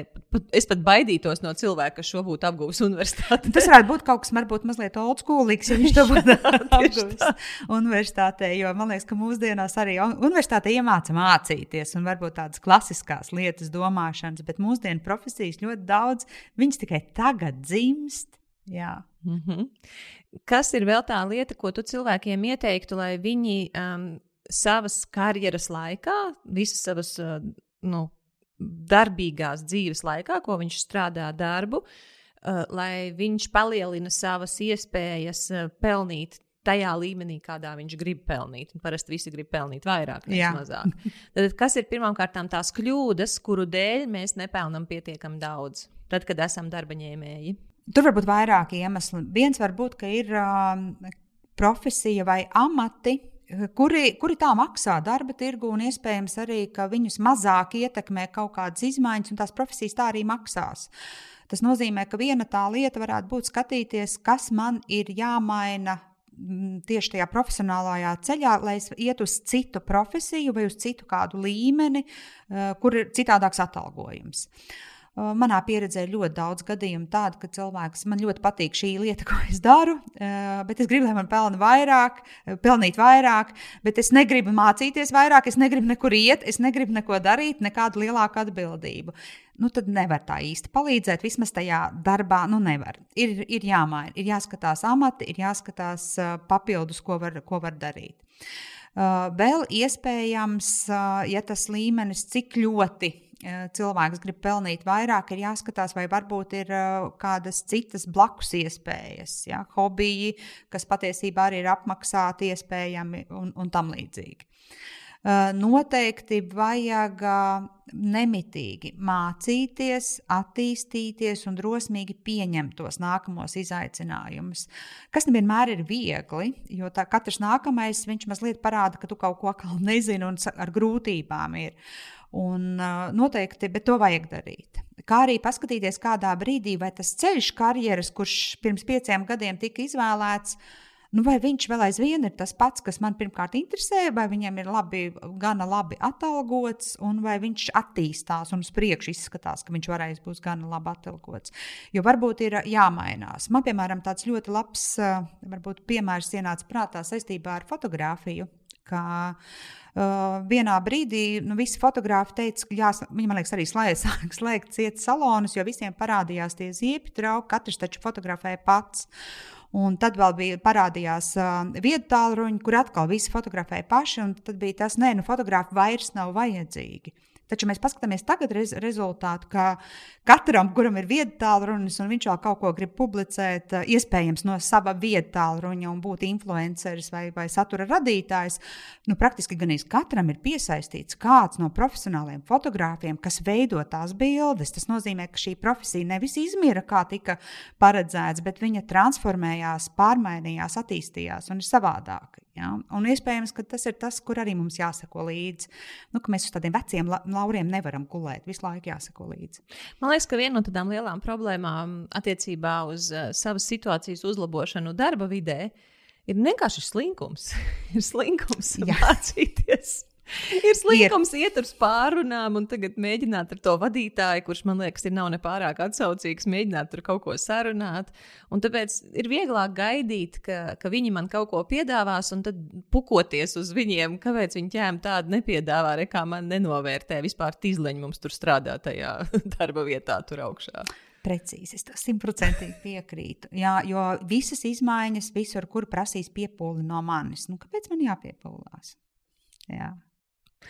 Un kā sev, nu, labi, nu, negribi, negribi, nu, sēdi tur, bet ir viena daļa cilvēku, kas vienkārši nesaprot, cik patiesībā daudz iespēju ir viņu rīcībā. Nu, teiksim, paņemsim mēs ar tevi tagad cilvēku, kuram ir, nemsim, 38 gadi. Jā. Un cilvēks, bļāviens, man tūlīt būs 40, tūlīt sāksies noriets. Nesāksies pirmām kārtām, bet sajūta ir, ka sāksies. Un dažreiz sākās, ja viss dara nepareizi, tā arī var gadīties. Un, 40 ir jaunie 30. Labi. Tātad cilvēkam ir tie 38 gadi, viņš nav atradzis to savu sirds lietu, meklējis, ir, nu, nav atradis. Viss, ko izprovēja, izrādījās, nu, nav tā mana sirdslieta. Un tad tajā, tajā, tajā situācijā viņš tāds, bet uh, bācis man nāk virsū vecumdienas, mēs tagad dzīvosim ilgāk, uh, man vajadzēs beigt daudz naudas tur visam kam dzīvē, jo es negribu samazināt tās savas vajadzības. Ceļot man gribas vēl vairāk, nevis mazāk. Ja? Dzīve arī kļūst, kļūst dārgāka, vis visādi papildu produkti un visādas opcijas, kas vēl ir nepieciešams, kuras agrāk nevajadzēja, bet tas viss prasa naudu. Uh, ko lai es tagad daru? Nav tā, ka es tikai sāku un es tagad varu ļoti mērķiecīgi būvēt savu karjeru, maksimizēt savu peļņas eh, potenciālu. Man jau ir 38 gadi. Paņemsim, tas būs eh, piemēram tāds maza, mazā līmeņa vadītājs. Tātad nevis jau tur liels kaut kāds vai, vai vidējā, bet nu, tāds, nu, vid, nu, tāds pavisam sākuma stadijas. Tāds, Jā. tāds vadītājs, cilvēks darbā, ko nu, principā var transformēt uz dažādām vietām. Nu, nezinu, mm -hmm. tur vai pārdošanā varbūt strādā vai kaut kādā tur menedžēšanā vai, vai vēl kas tam līdzīgs. Jā. Kāda ir tava ieteikuma šim cilvēkam? Ņemsim cilvēkus, divi bērni kredīts. Mm -hmm. jā, partners vai partneri arī nav tādi, kas tagad baigi nodrošinās visu jā. dzīvi uz sevi, vien jāpaļaujas. Ir. Kādi ir tavi ieteikumi, kā maksimizēt šo peļņas potenciālu vienlaicīgi, ja gadījumā var, tad liekam jā. klāt arī gandarījumu sajūtu vēl, bet mm -hmm. nu, mhm. šobrīd fokusēsimies uz pelnīšanu. Pirmā, pirmā, un, lai, un, atvainojos, un lai nerauj uz augšu tas darbs, ko dara. pirmā lieta noteikti, ka te ir parādījusies neapmierinātība, un tas mirklis, kad ir parādījusies neapmierinātība ar esošo stāvokli, nozīmē, ka ir kaut kas, uz ko atspērties. Un ieteiktu doties uz konsultāciju vai nu pie kāda izaugsmes koča vai pie finanšu koča. Vienkārši pirmais noteikti meklēt tādā veidā. Tur varētu paskatīties gan visas vēl tās citas dzīves sfēras, paskatīties, kur varētu meklēt gandarījumu, kā viņi vēl salikt, varbūt vēl kaut kur papildus iespējas nopelnīt un tā plašāk. Ja par esošo tieši konkrēti darbā, paskatīties, kā uzņēmumā ir auguši citi cilvēki. Viņi ir bieži vien jau parādījuši skaisti iestaigātas takas, kā tas parasti pie mums, katrā uzņēmumā savādāk, notiek. Uh, bet paš... tu atceries, man ir 38 jā. gadi. Jā? Uz mani vairs tas nedarbosies, kas uz 25 gadiem darbojas. bet, paskat, bet paskatīties, jā. Jau, jā, lai vismaz redzētu to pieredzi, kas tur uh, ir bijusi. Tad, uh, ja tur pieredzē nekas tāds nav bijis, pamē, paskatīties uz to uzņēmumu hierarhiju, jo iespējams, uh, ka es nemaz nekur tālāk nevaru. Ja tas ir tāds neliels uzņēmums, nu ko tad es īpašnieku dzīšu projām? Ja? Tieši, tieši Jā, nu, kā, to arī vajag to realitāti saprast, vai šī uzņēmumā ir kaut kas iespējams. Uh, tad, ja ir, ja ir arī, ja tā ir riskēt šobrīd, jo tur bērni, ģimene un tā tālāk, varbūt, ja, ja tas ir ļoti liels risks, tad neiet runāties ar vadītāju, bet pameklēt vēl ārpusē. Bet, ja tas nav tik liels risks, tad doties, piemēram, pie tā paša sava vadītāja un teikt, hei, es gribu vairāk, es gribu nopelnīt vairāk, skaties, un varbūt pat iet jau ar kādu ideju, vai es varbūt varētu paņemt šo sfēru. Es padomāju, redzu, ka re, tur mums ir uh, drīz atbrīvosies, vakanta vieta būs. Varbūt pirms izsludiniet, uh, ziniet, ka es uh, gribu kandidēt uz to, runāt iekšēji. Tad noteikti var paskatīties arī dzen, uh, līdzīgas lomas darba tirgu, cik viņas maksā citos uzņēmumos. Jo var gadīties, A, kur to informāciju atrast pašam jāskatās. Nu, kur tad es jā, tā, piemēram, tagad? piemēram, ja es strādāju kādā uzņēmumā, kur ir uh, mašīnas, tad es paskatos līdzīgos uzņēmumos, kur arī šīs mašīnas ir, lomas, kas ir izsludināts ārēji, un tur parasti norādīts minimālā, maksimālā atalgojuma robeža. Uz to tad arī tā aptuveni paskatīties, kāda ir manējā, kāda ir tur, kā izskatās, kas viņiem pa bonusiem. Bonus parasti mūsdienās visi uzņēmumi jau izliek ārpusē, lai visi zinātu, kas viņiem ir. Pamēģināt tādā veidā. Vēl arī var ar tiem pašiem. Ar tiem pašiem atlases uzņēmumiem uh, sazināties un jautāt, hei, uh, cik es varētu maksāt darba tirgu. Viņi man tā teiks? Uh, aptuvenus skaitļus, ja tu dodies uz konsultāciju, viņi var pateikt. Un man par to konsultāciju jāmaksā? Uh, varētu būt, ka ir jāmaksā, un varētu būt, ka kādā vietā arī nav jāmaksā. Vienkārši pameklēt to. Es ne, nepētīju pirms, uh, pirms sarunas, nevaru precīzi pateikt, bet varētu būt gan, gan. Atkarībā no uh, kādu atlas, uh, ar kādu atlases uzņēmumu sazinās. Uh, ko vēl varētu darīt? Uh, uh, vēl varētu noteikti paskatīties, papētīt ģimenē, vai šobrīd ir tas mirklis, kad es varu droši riskēt un iet eksperimentēt uz citu uzņēmumu. Jo var neizdoties, tur ir tie trīs mēneši pārbaudas laiks un tam līdzīgi. Izrunāt to ģimenē, jo taču kredīt maksājumu un kā. Uh, un, ja tas ir iespējams, iespējams iet kandidēt uz citu uzņēmumu. Ja, paskatīties, kur ir tāda cita loma. Uh, tad um, nu, ir tas mīnus faktors, ka baigi jau neko tas, nu, tas 38 gadi saprot, ka ir tā situācija, bet tā baigi arī neko negrib darīt. Tā enerģija nav tāda. E, tad varētu būt, ka dodas uz. Uz kādām uh, konsultācijām, paskatoties, ko varbūt kopā ģimene var darīt, dzīvot savādāk, kur dabūt papildus ienākumus.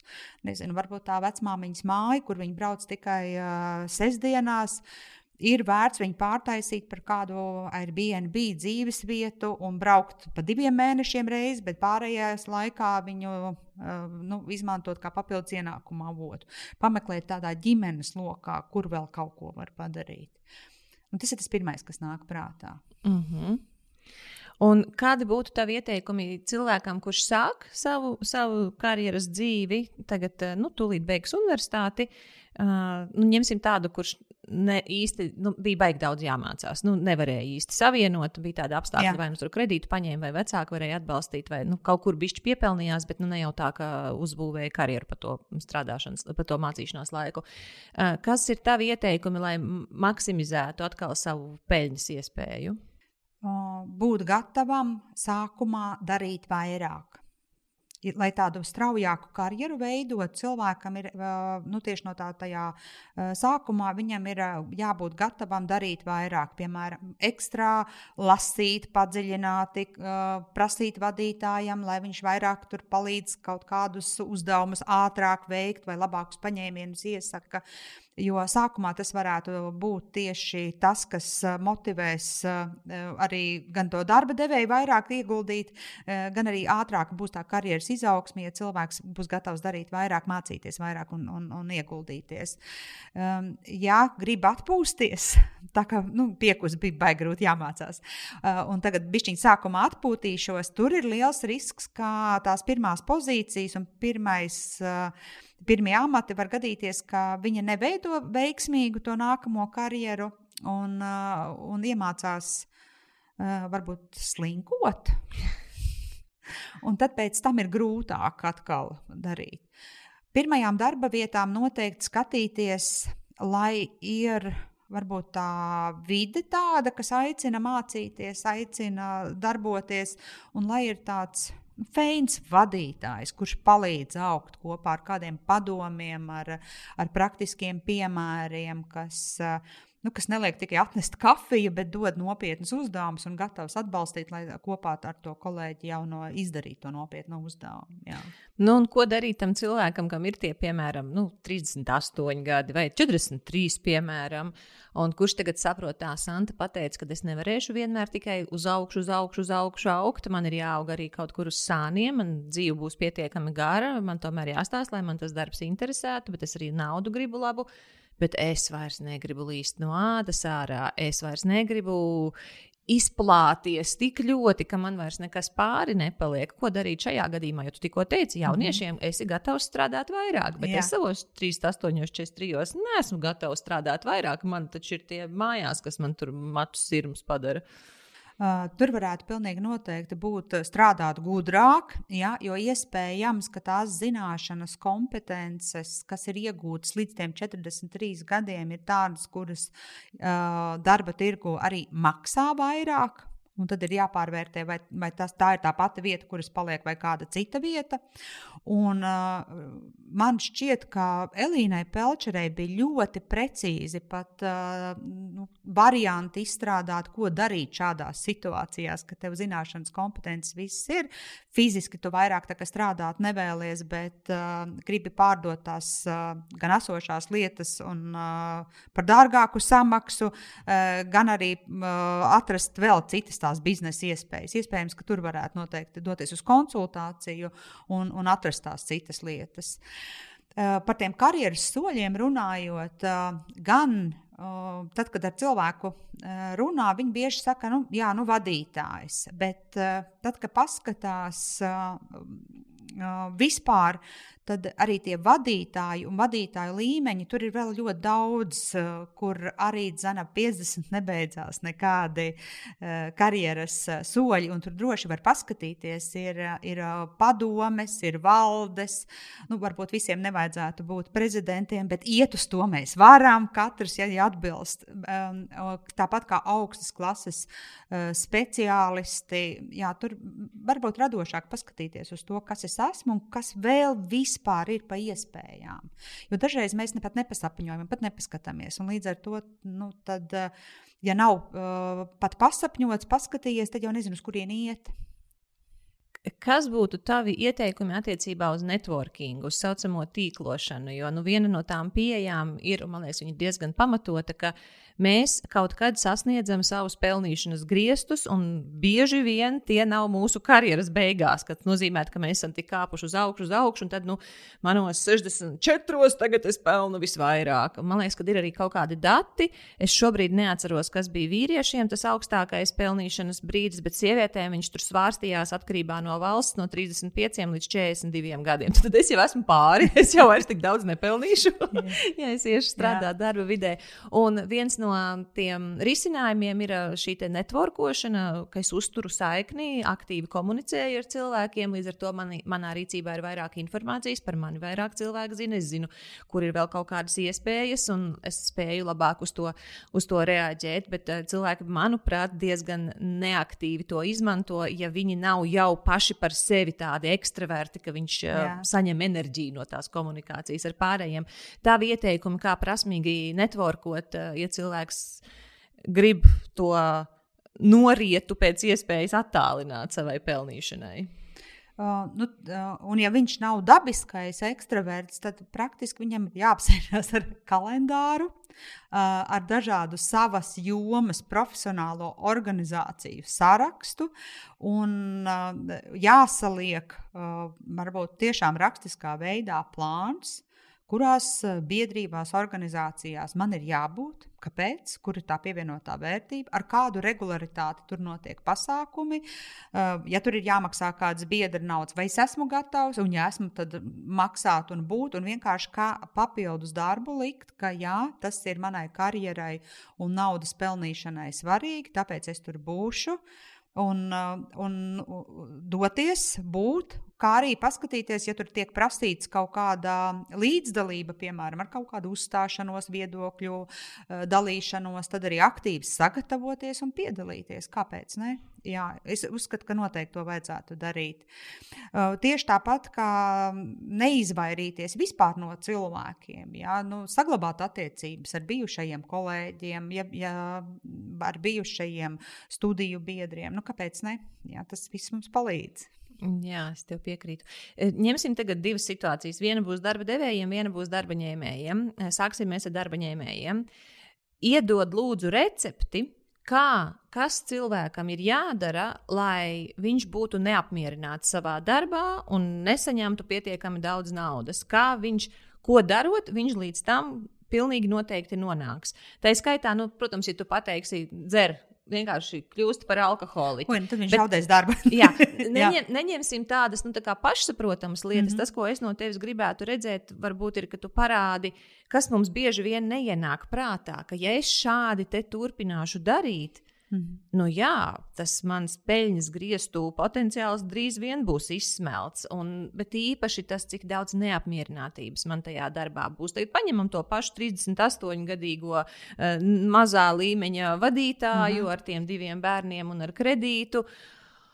Un ko, ko, ko darīt nu, teiksim, cilvēkam, kam varbūt tagad ir nezinu, 32 gadi, lai nonāktu līdz tam līmenim, kur tu negribi atrasties. Dari tā, tad dod mums recepti, kas mums Jā. ir jādara, lai mēs tur nokļūtu, kur mēs negribam nokļūt. Izvēlies darbu, kurš tev nepatīk. Tur, kur vide ir tāda arī, ka tevi nemotivē, vēlams arī ar vadītāju, lai tev galīgi, galīgi nesapas. Uh, Uh, un tad uz to vietu ej pēc iespējas retāk. un un uh, dari tikai to, ko tev obligāti liek darīt. Un vēlams uh, reaģēt tikai tad, ja tev atkārto vairākas reizes. Un nekad ekstrā nedari neko, kas nav aprakstīts tavā darba amata aprakstā. Ja, ja, ja kāda kolēģi ierosina kādu ideju par team building vai par kaut kādām, kur varētu kopīgi pamācīties, noteikti esi tas, kurš pasaka, novelc realitāti un pasaka, nē, nevajag, mums jau tāpat viss, kas daudz jādara, un vispār ir visiem privātās dzīves, labāk ejam tagad mājās, nevis sapulce. Nu, tāds, esi mazliet tāds uh, depresīvs, kurš. Uh, atgādina kolēģiem, nu, kur, kur kolēģi varbūt pat negrib ar dalīties, runāties, strādāt kopā. Nu, tad, jā, varbūt beigās zaudēs darbu, bet varbūt arī ļoti ilgi tajā pozīcijā bez kādiem atalgojuma izaugsmēm arī nonīks. Jā. Un tagad mēs paņemsim tādu situāciju, kur šis darbinieks ir kārtīgs darbinieks. Jā. Izdara savu, savus pienākumus, atbildīgi izturās Un tad, tad tas nebūs cilvēks, kurš tur pretīgi reaģēs kaut ko, vai kurš tur neizdarīs darbu. Tas, tas ir kārtīgs cilvēks. Bet es gribu, lai tu viņam, zinot, ka viņš arī turpmāk būs kārtīgs cilvēks, arī iedod recepti, kā, neskatoties uz to, ka tu esi kārtīgs cilvēks, nodzīvoties tik un tā. Jā. Vadītājs ir ok, nav nekas dišs ir ok. Mm -hmm. Nav arī tā, ka slikti yeah. būtu. Eh, kā nodzīvoties līdz tam, lai tas beigās nav gandarījuma par savu darbu un lai nesenāk nopelnīt to potenciālu, kas tajā vietā ir. Cilvēks tad labs. Mm -hmm. Tad, kad iekšēji tiek uh, izsludināta kāda, piemēram, vakance vai kā, tad nekad nepiesakies. Un tad, ka, tad, kad prasa par kādām mācību iespējām, vai prasa, vai gadījumā negrib kaut ko mainīt, tad nē, nē, man, man viss ir labi, viss ir ļoti labi. Un uh, vienā brīdī vairs neviens nejautās, jo redzēs, ka viss ir ļoti labi. Arī apkārtējie samierinās ar to, ka tur ir tajā vietā foršs darbā tas izpildītājs. Uh, bet izaugsmu un potenciālu viņā vairs neredzēs. Un līdz ar to sanāk, ka tas pats cilvēks neapzināti sevi nogriezis to potenciālu. Viņš ir labs, ar viņu viss ir kārtībā, bet viņu vairs, viņam vairs nepiedāvās, jo viņš ir kaut kāds divas, trīs vai varbūt pat četras reizes atteicies. Atteicies mācīties, vai atteicies uz nākamo amatu, vai pat sarunā novilcis robežu, ka viņam tas tā kā nepārāk interesē. Hmm. Un tagad paņemsim nākamo situāciju. Cilvēks strādā savā darba vietā, viņš ir kārtīgs darbinieks, viet, viss, ir, viss ir ļoti normāli tajā vietā. Protams, naudu vienmēr varētu gribēt vairāk strādāt, vienmēr varētu gribēt mazāk, bet uh, viss ir ļoti labi. Un kas ir tavs ieteikums?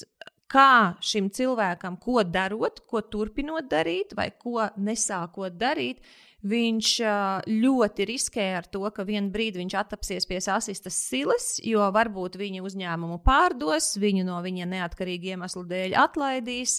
Vienalga, kas var notikt, bet tad darbinieks labs, viss ir labi, bet kur kāda ir recepte, lai viņš nonāktu ļoti apdraudētā situācijā, tad, kad, ja gadījumā piedzīvotu šādu te, šādus te notikumus? Te būtu ļoti atkarīgs gan no jomām, mm -hmm. tiešām, tiešām ļoti, bet uh, cilvēkam vajadzētu skatīties 3 līdz 5 gadi. Uh, vai viņš papildus ir kaut ko pamācījies, kaut kāds, kaut kāds tā tad recepte jā. būtu trīs līdz piecu gadu ietvaros jā. neko klāt nemācies. Ja? Jā, pareizi recepte ir, ka neko klāt nemācies. Jā, un neiz, jā, trīs līdz pieci gadi, un amatmaiņa arī, ja nav bijusi, nekas nav bijis. Nekas, tad, jā, tad ilgstoši risks pieaug ar katru gadu. Kas vēl būtu tas, uh, kur šis cilvēks, kurš ir labs savā vietā, vieta ir laba, kur viņš arī pakļauj sevi riskiem? Slinko visvisādos veidos, attīstības veidos, uh, amatu citu interesu veidos, uh, komunikācijas. Jā, nu tie trīs līdz pieci gadi ir ļoti, ļoti Man liekas, pat lielākā daļa profesiju, ka kaut kas ir vai nu jāapgūst, vai jāmācās. Un tas var būt gan amata maiņa, gan, gan jomas maiņa, gan, gan papildus kursa certifikāti. Tas, man liekas, ir tas pats pats galvenais. Un pārējās jau ir tādas nianses. Mm -hmm. nu, tagad paņemsim darba devējus. Jā. Jums šobrīd darba, darbinieku pietiek. Uh, nav tā, ka jūs tur sistu plaukstiņas un nebūtu jāstrādā. Bet uh, te ir recepte tam, lai drīz jums būtu beigās ziepes. Un tas nav slikts darba devējs, tas ir ok darba devējs. Tātad, ko darīt, lai drīz būtu ziepes, vai tās ziepes, kas jau ir, kļūtu vēl lielākas? Uh, tur arī būs ļoti, ļoti atkarīgs no katras konkrētās uh, jomas, bet nu, darba devējam būtu jāsako līdzi, piemēram, kuras profesijas ir uh, ar zināmu mainību. Nu, piemēram, ja tur ir kādi nezinu, klientu apkalpošanas cilvēki vai kaut kāda specifika, piemēram, kas mainās reizi gadā vai reizi trīs gados. Uh, un, ja nesako līdzi un palaiž garām un nepieņem jaunus kolēģus un speciāli neapmāca, tad vienā brīdī var būt. Tad risks. laicīgi. Jā, jā laicīgi. Uh, tad uh, neaizstājamības lieta. Ja ir, piemēram, uh, ir visu tikai vienam kolēģim, no vienas puses tam darbiniekam varbūt baigi efektīgi ir, ka viņam dod vairāk pienākumus, lielāku naudu par katru samaksā, bet darba devējiem kaut kādās situācijās tas patiesībā ir milzīgs risks jo ir uh, vienas, viena uh, zināšanas pie viena cilvēka. Un, ja kaut kas ar šo cilvēku notiek, vai viņš nomaina uzņēmumu, vai viņš vienkārši saslimst, ja, tad kur vai viņam sakāvi galvā? jā, jā, tas arī vēl, vēl viens variants. Tad, uh, ja nesaku arī kaut kādām modes lietām un tendencēm līdzi, nu, pa, varbūt tas pašu fotografu piemērs, nu, nē, nu, ka mums nevajag, mēs tagad visus atbrīvojam, un viss, un tad, kad ir visi atbrīvoti, tad mēs saprotam, ka nē, mums tomēr vajag. Bet mēs tos cilvēkus nevaram ātri atrast, izmācīt un dabūt tādus, kas ir mums vajadzīgi. Jā. Mm -hmm. Vēl ir viena lieta, ka dažreiz, piemēram, tajā mirklī, kad jāizvēlās, vai, piemēram, atbrīvot no, nu, reorganizācijas, restruktūrizācijas, viss kaut kas uzņēmumos, un jo lielāks un, kā saka, ilgāk dzīvo uzņēmums, jo vairāk un regulārāk ir šādas lietas. Tad vienmēr pirms, piemēram, tiek atbrīvota kāda komanda vai, vai, vai vairākas profesijas, padomāt, vai šīs profesijas nav iespējams ātrāk un vienkāršāk apmācīt uzņēmumā iekšēji uz citu profesiju vai amatu, jo tas iespējams būtu lielāks iegūms dienas beigās nekā būtu tagad jāveido jaunas atlases kampaņas. -hmm. Santa, kas tev ir sakāms par cilvēku iekšējo sajūtu attiecībā uz darbu? Tad, kad, piemēram, darba devējs pieņem darbā kādu, un tas CV nu, izstāsta labi, bet iekšā nu, nav tā, ka es redzu, tur pilnīgi noteikti ir tāda tendence, man ir tam pierādījumi, bet tiešām nu, nav kaut kas riktīgi. Un tieši tāpat arī otrādi, kad darba ņēmējs ir kā, nē, nu, vieta laba, nauda maksās labi, nu, it kā viss normāli, kaut kas nav riktīgi. Man, man dzīves, dzīves un darba pieredze, kā arī atsauksmes no, no kolēģiem un no, pat no tiem kandidātiem, kas ir uzsākuši strādāt, ir, ka vajag tai sajūtai tomēr paļauties un uzticēties. Viņa agrāk vai vēlāk apstiprinās, un viņi ir pareizi. Un, uh, varbūt var to teikt, ka tā ir kaut kāda intuīcija vai kas, bet tas, tas patiesībā nav nekas ezotērisks. Uh, tas ir mūsu iepriekšējās uh, dzīves uh, pieredzes uh, nu, sajūtas, kas parādās vienkārši fiziski ķermenī, ka iespējams uh, nu, tā vadītāja ir ļoti līdzīga kādam cilvēkam, kurš iepriekš ir kaut kur dzīvē nodarījis pāri. To cilvēks tiešā kontekstā neustver, bet tajā mirklī, kad ir tā saruna, viņš sajūt, ka viņam tas cilvēks ne, kaut kas tur nepatīk. Ja? Un noteikti vajag paļauties tai sajūtai. Jā. tā var dabūt gan foršākus kolēģus, gan kādreiz laicīgāk varbūt izbeigt attiecības, kuras, kurās abi nav laimīgi. Mm -hmm. Un kādi būtu tavi ieteikumi tiem cilvēkiem, kas ir labi savā vietā, it kā viņiem viss ir nodrošināts, bet nu, nav tā gandarījuma. Gribas kaut ko vairāk, bet arī ļoti negribas zaudēt to, kas ir. Būt uzmanīgiem, jo ļoti vienkārši jau ir nomainīt darbu, uzrakst atlūgumu un ej projām. Ja? bet uh, būt uzmanīgiem ar to sajūtu, jo uh, dažreiz mēs cilvēki esam tā iekārtot, ka mums šķiet, ka darbs būs tā dzīves lieta, kur mums tagad atrisinās visas gandarījuma sajūtas un dos mums uh, to pilno laimības grozu. Bet patiesībā dzīve, dzīve sastāv no daudzām sfērām, un darbs ir tikai tā viena tā sfēra, kas mums dzīvē ir. Viņi ir ļoti svarīgi, protams. Un var gadīties, ka kādu laiku vai kādu periodu mums tajā darbā ir mazāks gandarījums, vai viņš bišķiņi apdziest, un var gadīties, ka mēs to gandarījumu varam uz to laiku paņemt no kādas uh, citas sfēras, un pēc tam atkal viss sakārtojās, jo mums jau arī tas dzīves ceļš neiet precīzi tā taisni pa līniju. Kaut kas ir augšā, kaut kas ir lejā. Mēs jūtamies savādāk, ir uh, pienākumi pamainās, kolēģi pamainās. Un tāpēc uh, mans ieteikums būtu nesasteigt uh, lietas, tātad ne, nedarīt kādus pārsteidzošus lēmumus. Uh, kā tu parasti saki, ierēbušā stāvoklī. jā, jā, ka ne, neņemt tos, nepieņemt tos lēmumus tādā stāvoklī, mazliet pagaidīt, saprast un pameklēt, kur aug kājas tai sajūtai. Varbūt, tā sajūta ir pamatota. Tad arī nevajag uzreiz tādu katastrofāli pieņemt lēmumus, bet paskatīties, ko varētu palēnām darīt, ko varētu blakus darīt, kur es varētu pieteikties, kā es varētu paskatīties. Un tikai tad, ja ir saprotams, ka, jā, ka tas ir tieši darbs, tad uh, saprast, kas man dos to gandarījumu. Un tad, kad es esmu sapratusi, kas man dos, kas man ir jāmaina, tad iet un meklēt un mainīt. Jā, bet nepieņem pārsteidzīgi tu kā kočs strādā ar cilvēkiem, kuri nu, grib kaut ko mainīt. Vai Jā. nu viņš grib virzīties pa karjeras kāpnēm uz augšu, vai varbūt viņš apsver savu kaut kādu uzņēmēju darbību.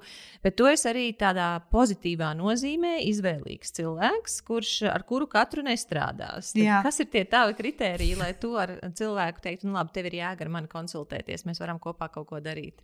Nu, viņam ir jāgrib strādāt. Jo kādreiz eh, nevis tu domā mainīt, darbā, tu domā darbā strādāt? vispār eh, ar sevi, jo eh, varētu gadīties tā, ka tai strādāšanai kopā ar mani, vienalga vai tās ir viena tikšanās, vai tās ir vairākas un ilgtermiņa attiecības, kur mēs strādājam par kaut kādiem tematiem, var būt, ka tur nevainagojas ar tādu rezultātu, ka cilvēks iet kaut ko ļoti kardināli maina bet ka viņš tajā procesā strādā godīgi, atklāti un saprot, ka nē, viņš vēl, piemēram, nav gatavs, vai patiesībā tas bija cita cilvēka mērķis, kas viņam tika tur uzspiests un tam līdzīgi. Varētu arī teikt no otras puses, ka man ir grūti ar sliņķiem. jā, kad, jā, ka saprotu, ka nē, kad sliņķis vai negrib neko mainīt, vai grib, ka es izdarīšu, atradīšu, uzrakstīšu, palīdzēšu nu, tad šķiet, ka nu, nē, nu, vai nu tu pats, vai nu, varbūt tagad nav īstais brīdis. Tad viņi gaida, ka tu atrisināsi viņu problēmas, nu, jā. ka tu viņam CV attaisīsi, jā. ka tu viņam pieteikumu vēstuli uzrakstīsi. Jā, nu, kur ir mans jaunais darbs? jā, kāpēc, jā. kāpēc tad vēl nav iesaistīts strādājot? Un kas būtu tavs ieteikums tiem cilvēkiem, kas atrodas pa vidu tajā grūtajā stāvoklī, kur viņam ir gan augšā dzirnakmens, gan apakšā darbinieku dzirnakmens? Kā tu vari šādiem cilvēkiem palīdzēt? Pirmais noteikti ir strādāt pie visiem paņēmieniem, kas palīdz saglabāt uh, jaudu, spēku, enerģiju sev. Tā kā likt sevi centrā, likt sevi pašu, pašu, pašu galveno. Un tad, tad pietiks gan tās enerģijas, gan spēka, lai varētu izturēt gan spiedienu, gan viņu transformēt un, un dabūt rezultātu no tās savas komandas. Un, un tur var būt gan produktīvāk un efektīvāk darba paņēmieni, gan tas laika un darba menedžments, gan kādas stresa tehnikas, gan varbūt vienkārši galvā attieksmes un domas jāsakārto, kas kādreiz ir, kas ļoti vispār traucē, vai varbūt ir kādas vienkārši prioritātes e, jānomaina šī brīdī, par, uz ko cilvēks koncentrējas. Un tad, kad saliek tās pa tādiem plauktiņiem, sakārto, nu, tad ir tāds feins, stabils kolēģis. Tad var tikt jā. arī labāk galā. Jā, jā, jā. Kas ir tās metodes vai tie resursi, nezinu, websaiti, nu, mājaslapas, es domāju, jā. vai grāmatas vai jebkas cits, ko tu esi pamanījis, ka tu savā darbā cilvēkiem visbiežāk iesaki? Es no galvas neatceros autors un, un precīzus nosaukumus. Es varu pēc tam iedot, lai, lai viņas pievieno klāt, bet man ir grāmatas, es, kas atkārtoti Uh, par ieradumu maiņu ir vairākas grāmatas, kuras dodu. Tur droši vien būs Atomic Habits, jā, ne, atomiskie jā, ieradumi. Jā, tas ir, tas ir top viens uh mhm. -huh. šobrīd. Tad uh, ir uh, Fiona Harolda, viņai ir uh, life coaching uh, tāda grāmata, kur ir paši, paši tā, tādi vingrinājumi, kurus var taisīt. Um, ir vēl, bet es uzreiz autors noteikti nepateikšu. Uh mhm. -huh. Jā. Kas tev vēl ir no tādiem, varbūt ne grāmatas, bet varbūt ir vēl kādi resursi, ko tu cilvēkiem mēdz ieteikt, kas viņiem var noderēt? Um, tāda Man pirmais, kāpēc ienāca darba devējiem, ka viņi noteikti var palasīt un paskatīties visur, kur ir par Netflix darba kultūru aprakstīts. Viņi nevar to viens pret viens likt, jo nu, tomēr citas valsts un citas prasības, bet tur tās mazās tendences, kas varētu palīdzēt darba devējiem, viņi noteikti ir lasītās. Pašiem cilvēkiem, tad atkarībā no tā, ko viņi skatās un meklē. Uh, ir, kur es iesaku doties pie kognitīvu behaviorāliem terapeitiem, tad es dodu konkrētus tādus uh, rakstus un terapeitus. Uh, ir, kur uh, ar domām ir jāmaina, tur es dodu Irīna Petersona darba metodi, ļoti daudz strādāt. Uh, tad ir kādas varbūt konkrēti raksti, specifiski konkrētam cilvēkam, ja viņam tur ir prezentācijas iemaņas, tad uh, re, kur ir uh, varianti, kur viņš var vai nu doties, pieteikties, mācīties, vai izlasīt un pievērst tam uzmanību. Uh, nu, ļoti specifiski. Ir bijis arī, ka kāds cilvēks kaut ko pasakā, un es veltu vakaru tam, lai es atrastu viņam vēl papildus, bez sevis uh, literatūru, kur viņš vēl var palasīt un no citiem avotiem par to uzzināt. Un, ja tev ir iespēja vēl kādu cilvēku konsultēt, teiksim, kā tie cilvēki var tevi atrast, kā viņi var ar tevi sakontaktēt? Uh, viņi var skatīties uh, Līta Krūze.CLV mājaslapā, viņi var skatīties LinkedIn, no nu, internetā var atrast kontaktus. Uh, un Līta Krūze ir ar kaut kādu domu zīmi pa vidu, punktu pa vidu, ja viss kopā, līce, kopā ar maziem Līta Krūze, jā, jā .CLV, jā. tā te var atrast. Forši. E, noslēgumā, kas tev ir sakāms tādam cilvēkam, kuram it kā ir labi, bet nav labi attiecībā uz viņu darbu? Sāc meklēt uh, atbildes, jo paskatīties, kas nav labi. Kāpēc nav labi? Sāc vienkārši meklēt. Un meklējot, uh, varēs arī saprast, vai ir jāmaina vai nav jāmaina darbs. Varbūt darbs šobrīd var palikt tieši tas pats, bet tev ir vesela kaudze interesantu, foršu lietu, ko darīt ārpus darba, kas var līdzsvarot. Galvenais ir nesamierināties ar tādu iestagnējušu stāvokli, kad nekustās un nedara neko. Meklēt atbildes, meklēt risinājumus, meklēt uh, idejas, ko un kā es varētu dzīvot savādāk. Un darbs jau ir dzīves sastāvdaļa. Super. Paldies tev no visas sirds. Paldies.